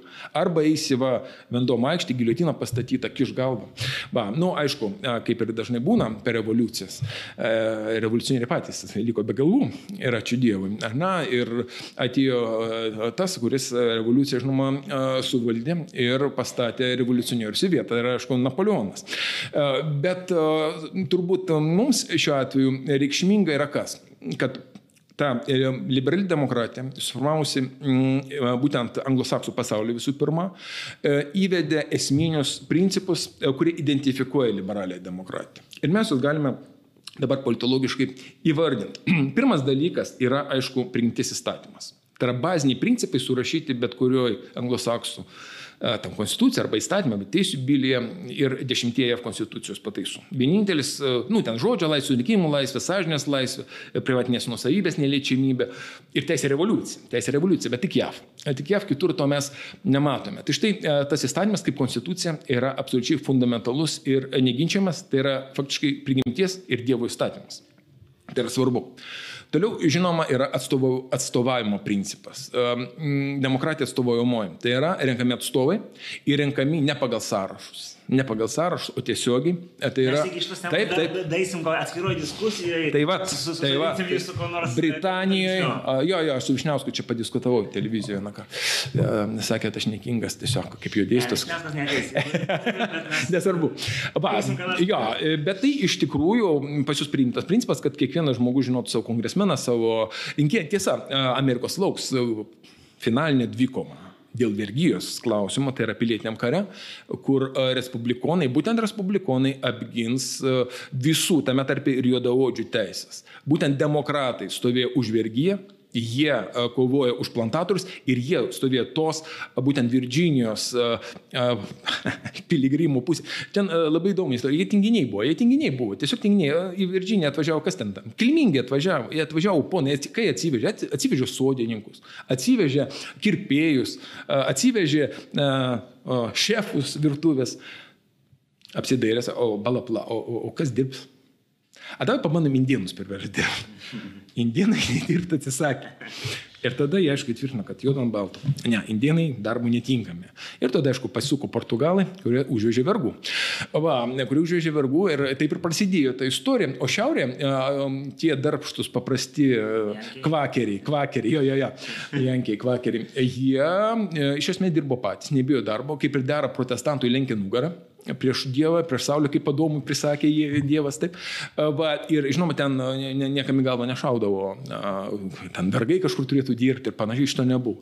Va, taip kad šitą Ameriką dar su kita susitiks dvikovoje, nu ir laimės, kaip žinia, respublikonai ir, ir Lincolnas. Na, nu, aišku, jiems teks sumokėti štai gyvybę, bet jau čia kita istorija. Va, taip kad grįžtant prie tų bazinių postulatų, aišku, žodžio laisvė yra fundamentas ir čia ne negalima to pamiršti, e, kaip ir tolerancija pati. Tolerancija kitam, nesvarbu, ar tai yra ten genderinė grupė, tai yra moteris, e, ar tai yra juodaodžiai, ar tai yra ten kitataučiai, tautinės mažumos, ar tai yra socialinės grupės. E, visiems ir kiekvienam individui atskirai turi būti sudarytos ovarios savirealizacijos ir gyvenimo siekti gėrio, ne, vat, prasme, sąlygos. Ir taip, čia galioja principas, bazinis principas, kad kiekvienas žmogus laisvė baigia sen, kur prasideda kito žmogus laisvė, jis negali primetinėti kitam savo gyvenimo na, ne, principų, savo idealų, kiekvienas turi gyventi oriai. Čia aišku, noriu paklausyti, mm -hmm. kaip dėl tos uh, Kaip suprantu, tokios teisės bent jau tuo metu, kad yra kažkokie, žodžiu, ne, netradiciniai, žodžiu, orientacijų žmonės, jie net nenagrinėjo. Nu, tai nebuvo iškilę tuo metu, kai, kai rašėsi konstitucija. O, va, ne, ne, ne, nebuvo nei iš tolo.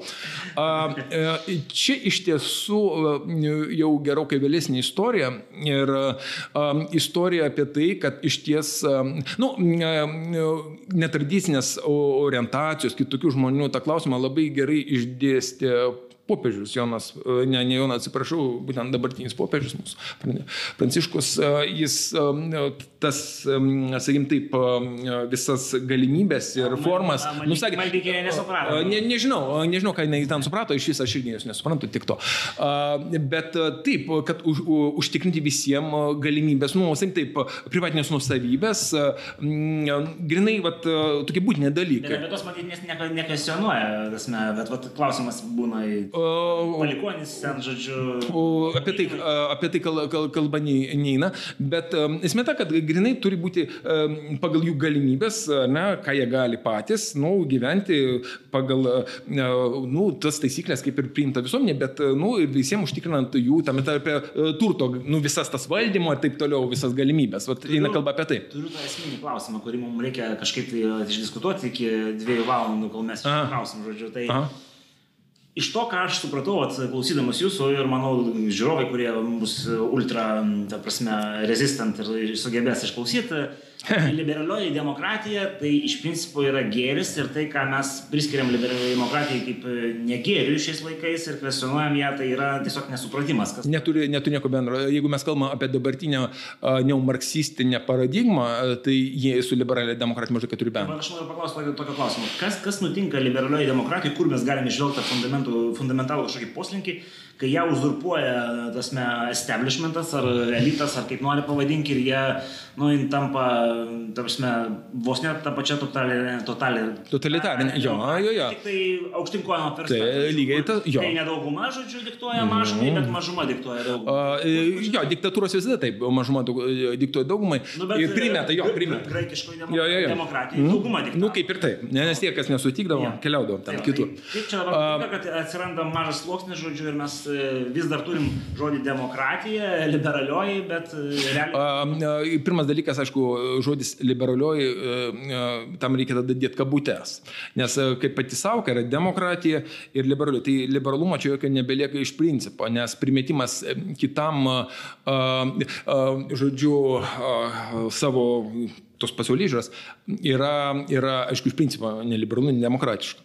Iš tiesų, e, tai yra e, dalykai atėję iš šaltojo karo dar epochos. E, tai yra tie, kas save dabar pozicionuoja, nu, tie, ne, ta naujoji, naujoji, naujoji, ta tokia kairioji liberalioji establishmentų dalis. Tai yra buvę, mm, nu, sakykim taip, prosovietiniai ta tokia kairioji vakarų establishmento dalis, nu tai Sartro ten kompanija ir jam prijaučiantys ten. Va, ir jie savo laiku kovojo už pridinės vertės teisingesnį paskirstimą tarp žmonių, socialinį teisingumą. Paskui persijungė kitas temas. Kai neliko, Sovietų sąjunga žlugo, jie nukabino nosis.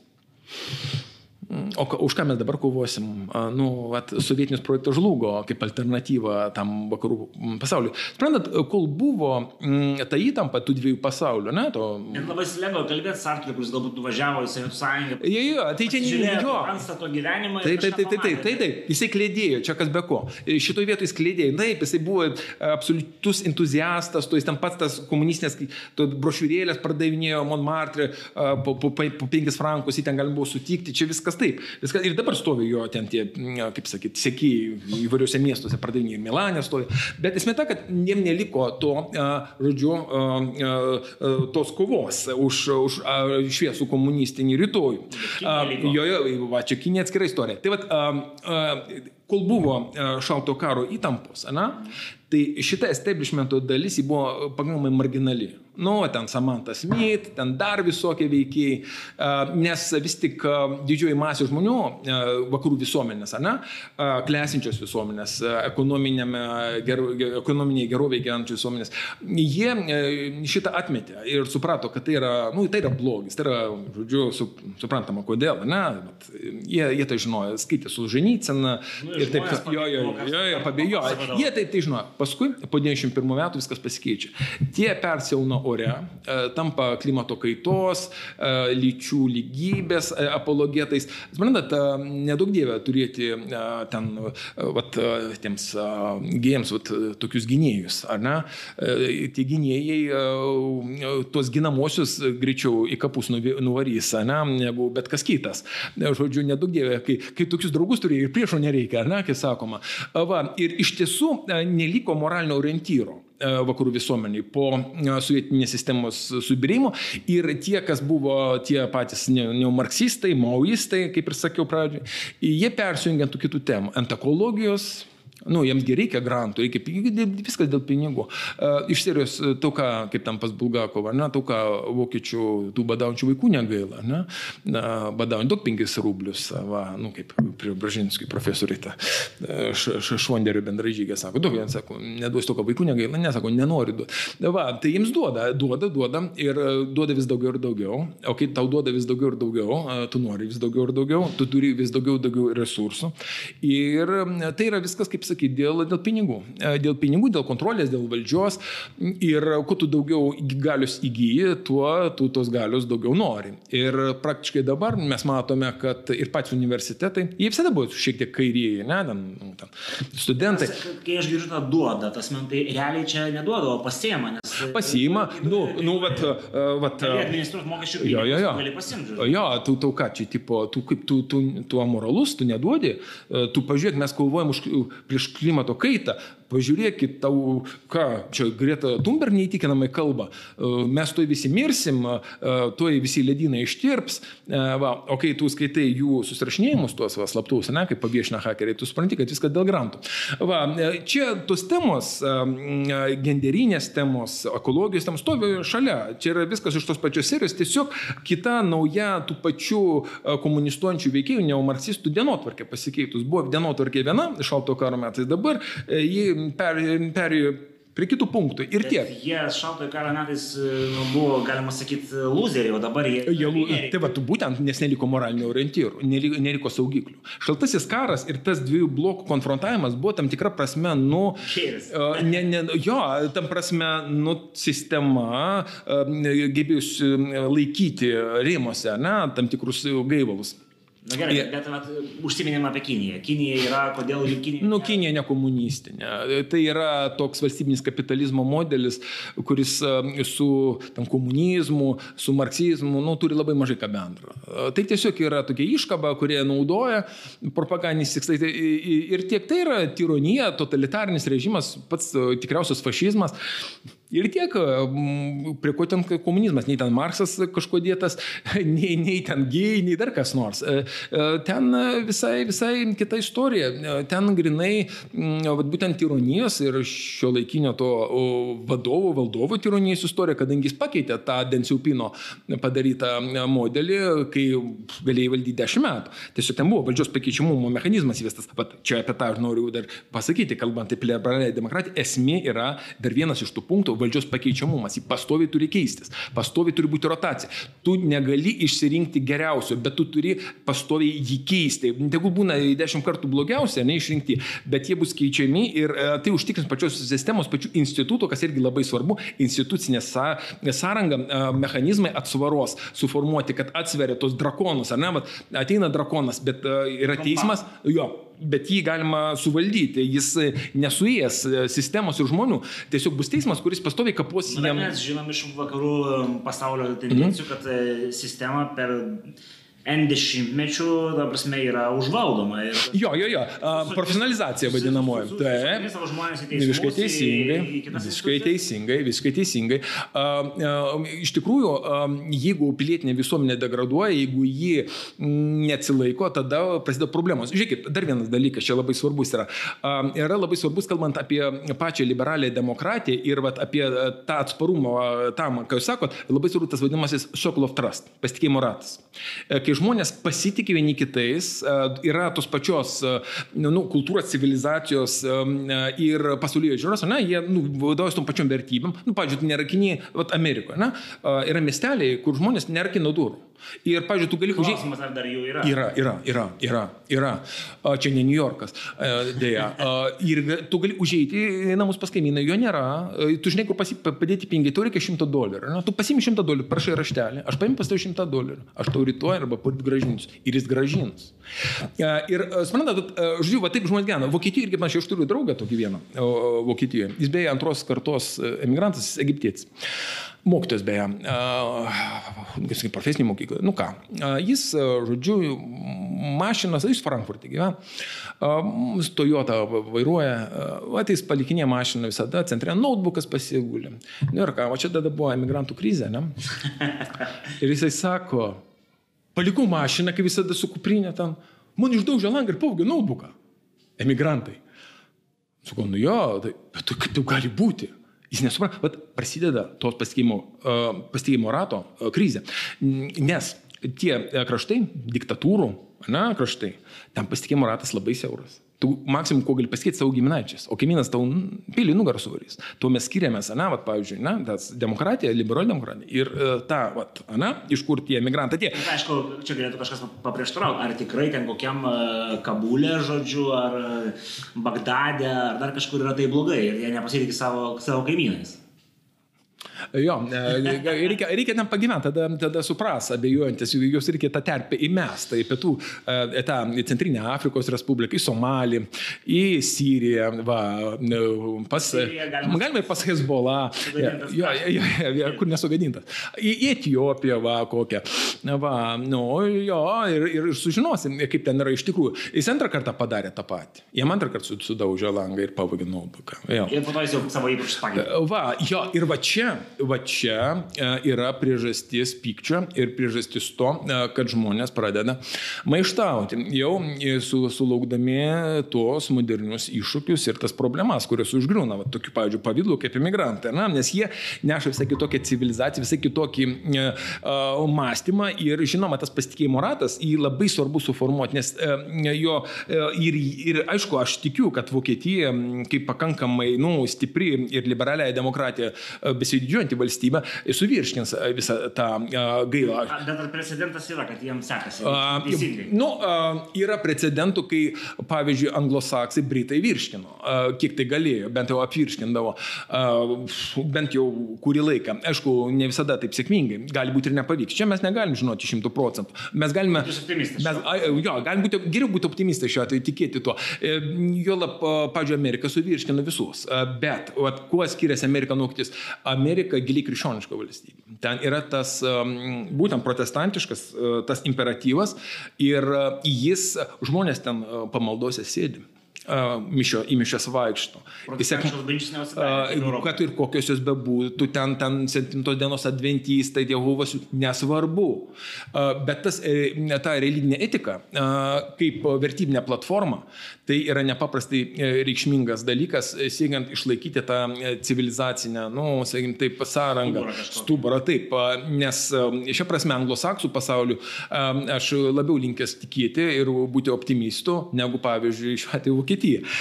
Nes protestantizmas, liuteronybė, jį sugriovė vieną esminį dalyką - bažnyčia kaip institucija. Ten nebeliko bažnyčios kaip institucijos. Britanijoje liko anglosak, anglikonų bažnyčia, jį turi struktūrą, yra viskupai, ten, o, o protestantų, liuteronų bažnyčios jos tokios labai jau užplautos, institucija prasme silpnos. Ir dėl to jos teriodavo. Didžiojo Britanijoje, bent jau už tai, man teko matyti, lankomumą bažnyčių. Jo, jo, ten. ten sudėtingiau, ar ne? Jo, e, jo, jis sudėtingęs. Nu, ten, ten yra daug e, azijiečių, kurie lanko, mm. o, o pas... Jo, jo, jo, yra ta problema. Denominacija ten vyksta, ta vadinamoji, nu, ten žmonės užsidaro mažesnėse grupelėse, visokiose sektose.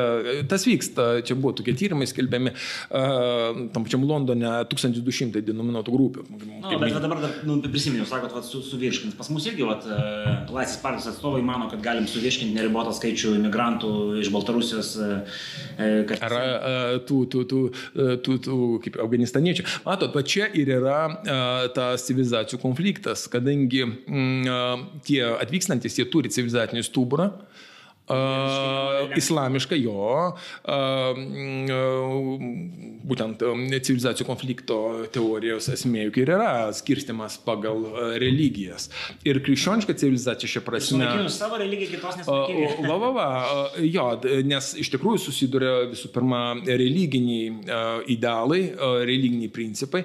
Ir, ir juk, pavyzdžiui, tie patys musulmonai europiečių negerbė labai dažnai dėl ko dėl to, kad jie prarado tikėjimą, dėl to, kad jie nėra krikščionys, jie ten nežinia kas, ar tai teistai, ar šiaip kokie kretinai, nes nežinia.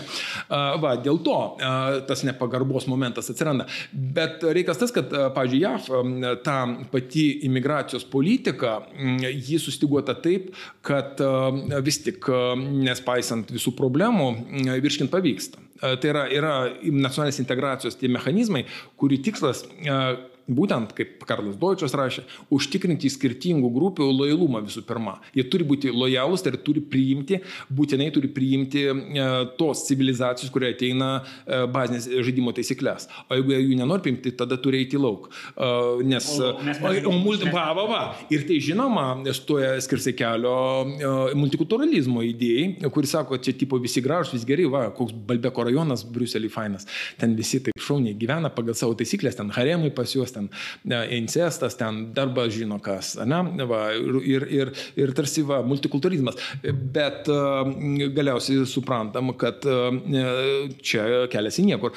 Ir ne, aš manau, kad vis tik e, dabar vyksta šioks toks politikos performatavimas ir permastymas, nes vis tik visuomenė pasipriešino. Duokit pavyzdį, kas mūsų, mūsų politikoje. Apie mūsų politiką, apie mūsų, apie mūsų uh, provincialus, e, apie provincialius kleptokratus ir niekšus, e, kurie e, žemiau plintuso sėdi ir moralinė, ir ten, sakykim, tai pasaulyje žiūrinė ir visom kitom prasmėm, čia iš vis kalbėti e, savęs negerta, na, jų negalima analizuoti tarp šito, šitam kontekste. Mes kalbam apie iš tiesų visuomenės, kurios vat, sugebėjo, sakykim, taip sukurti mechanizmus, leidžiančius atlikti tam tikrą tuningą, sakykim, taip. Vat, tuningas, kaip mes matome, ir Prancūzijoje, ir Vokietijoje vyksta. Tai yra atsirandantis visuomenės pasipriešinimas, jis šluoja tą establishmentą, kuris atrodė dar prieš dešimt metų, nu, yra ten visavaldis. Na, jis. Pažiūrėsim, kaip atrodo. Uh, jo, jo, jo. Uh, pri, taip, uh, čia nesmė Lipen. Uh, jie yra pakraščio žmogus, bet yra kiti, sakykim taip, uh, kurie m, turi adekvatų supratimą apie tai, ką reikia daryti ir kad taip testis negali, tačiau jie nėra drastiškai nusiteikę, nusakyk, sakykime, viską sugriauti ir paskui bandyti kažką kur. Nu, jie, ta prasme, nesivadovauja to internacionalo e, principais. Nu, Lepen, jie šiek tiek vadovauja internacionalu. Jie nori viską sugriauti, paskui pasižiūrėsim. Čia yra blogai, viską mes sunaikinam, absoliučiai išmetam vėlniop ir paskui kursim naują sistemą, gal be ES, dar kaip nors. Tai yra, aišku, pavojingas kelias ir nemanau, kad yra geras. Reikalingas visada, sakyčiau, pamatuotas ir, nu, vis tik paremtas tam tikrom patirtim. Aš matau, kad ateina politikai ir Prancūzijoje, ir, ir Vokietijoje tie, kurie blaiviau vertina situaciją. Ir, AFD? Ne, ne, AFD čia dėja, dėja daugumoje savo kazahų, kazahai ten, kazahai, kazahai. Jo, jo, Kazahstano vokiečiai. E, su savo tinkama pasaulyje žiūra ir su tinkamu pinigų krepšeliu. Ne, aš turiu omeny iš tiesų vis tik tuos, kurie adekvačiai oponuoja, aišku, Merkel. Merkel, aišku, nelaimė, didelė nelaimė. Nu, norėt. Tas potencialus jos įpėdinis, ar jūsų manimo jis yra adekvatus? Vėlgi, įpėdinio kol kas nėra, saim taip. Tai tas, kuris kaip įpėdinis, čia dar labai neaišku. E, dar laikas parodys. Galiausiai, e, kai atėjo Merkel, atrodė, kad ji bus vienokia, paskui tapo visai kitokia. E, vis tik joje komjaunimas prabūda. Ir jos laikysena, aišku, atskirais atvejais tiesiog pribloškinti. Ne, ne, aš nekalbu apie tai, kad ten sako, emigrantai visi čia. Ne, čia, čia, čia detalės bendrai. Jos politika Europoje, tai ji, aš sakyčiau, padarė labai didelę žalą europiniam projektui bendrai. Ir taip pačiai Europos Sąjungai.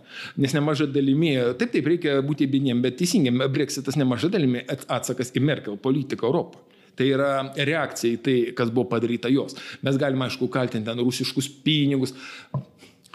Milijardas rusiškų pinigų nepadarytų tiek žalos, kiek padarė pati Merkel, bet čia atskira istorija. Bernardai, pačiai pabaigai tada tokia re re rezume, žodžiu, ta klaidingai suprantama liberaliosios demokratijos savoka, kaip va tą liaudį pas mus kažkaip tai apšviesti, kad jinai netrodytų, kad reikia kovoti su liberalia demokratija, kad iš tikrųjų reikia kovoti su to, ką jūs vadinate neįsitraukimu, kad tai būtent reikia valdžios ir visuomenės santykiai atstatyti.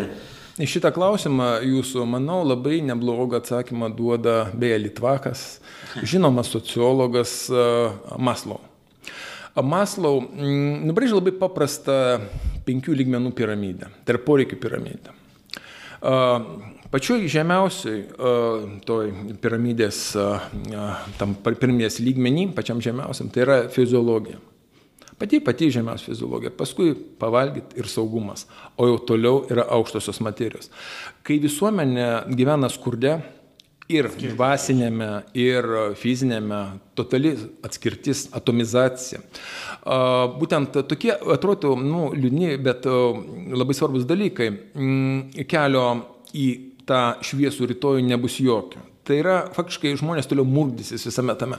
Visų pirma, reikia kovoti mm, ir siekti vis tik socialinės gerovės. To, vat, sažiningesnio paimų paskirstimo. Vat, švedai, švedijos politikai turėjo savo laikų politinės valios, matydami, kas darosi visų pirma Sovietų sąjungoje. Jie pamatė sovietų projektą ir labai išsigando, pamatė bolševikinę revoliuciją. Ir dėl to būtent gimė tas mm, vadinamasis švediškas kabutėse socializmas, bet iš tikrųjų ta e, liberali švediško demokratijos forma. Jo, human, jo. Tai yra, aš sakyčiau, tam tikrą prasme nu, pratesimas to, kas buvo anglosaksų pasaulyje. Bet ar Švedija nesužlugo, kai jis e, atėjo pas juos imigrantai ir... Uh, nu, ten apie jų tos keistus projektus, kaip pagerinti švedų tautos nežinau, biologiją ar ką, nu, čia galima pakalbėti Tik to, tik to. Nu, nu, nu, nu, jo, čia, čia bepročių yra ir čia nieko nepadarysi, bet koks skirtumas. Nu, nu, integravo, neintegravo, visko ten užteko. Bet, bet jie, žodžiu, tą labai aiškiai suvokė, kad norint pasiekti tų aukštųjų materijų, eiti prie tų jau tokių, va, na, svarbių visiems aukštų temų, reikia įveikti tam tikrus tos piramidės laiptelius. Amerikiečiai jos įveikė savaip ir Britai įveikė per privačią iniciatyvą, per verslumą, per aktyvumą teisingumą. Prancūzai savaip, per didesnį valstybės vaidmenį, nu čia, žinot, ta istorija apie tai, kad kai sugenda vandentikis Amerikos miestelį, amerikiečių susimet ar pats padaro, prancūzai rašo peticiją. Va, bet pas mus dar viena yra bėda, kad pas mūsų elitas, establishmentas, net ir labai progresyvus, jis masto autoritariškai. Ir jis pastovi, va, kaip tas mūsų jau minėtas Ruso, ne, galvoja, kad žino geriau už tautą, geriau už žmonės ir kad jie vat, nuspręs ir išves. O iš tikrųjų, faktiškai, kaip žinia, nu, rankos į save ir viskas baigėsi ties banale korupcija. Va, ir tuo, ką mes matome šiandien. Todėl aš sakyčiau, mūsų visuomenę gali mobilizuoti ne kova prieš Stambulo konvenciją, ne kova prieš gėjus. Tai yra tokie nedideli epizodai iš tikrųjų. Tai yra uh, temos, kurių korumpuotą valdžiai labai reikia. Jūs kovokit prieš gėjus. Jo, jo, jo, jūs kovokit prieš transgenderius. Va, jūs kovokite su translyčių samokslais. Kovokite ten su kitais vaiduokliais. O mes business as usual. Mes darysim. A, todėl. A, taip, va, va, socialiniai partneriai dirba.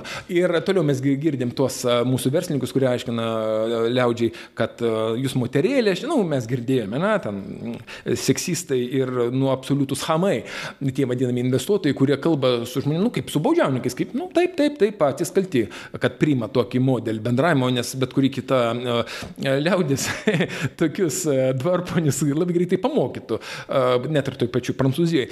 Va, todėl norint konsoliduoti tą visuomenę, norint ją 500 tūkstančių išvest, reikalingos socialinės temos, reikalingos socialinė, reikalingi socialinio va, to teisingumo apologetai, kurie rastų tą platesnį bendrą vardiklį, jungiantį žmonės. Nes galiausiai tie va, klausimai, ir dėl kurių ten tie maršiečiai nori ne, kovoti, jie išsispręs. Tada, kai išsispręs nu, pats kontekstas visas, ta pati visa mūsų ta valstybės sociumo ir politikos problematika problematika, e, socialinio teisingumo problematika. Mm, e, tai yra esmė. E, apie tai niekas nekalba ir tai yra labai blogai. Prezidentas bandė tą gerovės valstybės kelti klausimą, o tai yra vat, būtent, aš skaičiu, žingsnelis tą linkme, bet jie niekas nepalaiko. Mm, ir pati visuomenė labai apatiška, kad jie įspirti užpakalį, nu, turbūt reikia labai sakant, tokio kieto bato. Ir, ir niekas neįspiria, kad ta visuomenė galiausiai pabūstų, ją reikia pažanį, reikia supurtyti. Yra istorijoje atveju, kai pabūrė, pabūsdavo, išeidavo, apgindavo tie patys Britai, galiausiai, nu, pasižiūrėkim, kaip gyveno Britai galiausiai XIX amžiuje, paskaitome Dickensą, kokie teismai ten, kokia korupcija, koks košmaras, tai yra siaubas kažkoks. Nu, skaitom galiausiai tą patį e, ten tėvo Gorijo, na, ten Hugo romanų skaitom, matom, koks siaubas, koks purvas išlipo iš to, išlipo, bet išlipo per ką? Per socialinį projektą, per vis dėlto tolygesnį paimų pasiskirstimą ir vis dėlto per tam tikras reformas, kurioms buvo buvo vis tik politinė valia.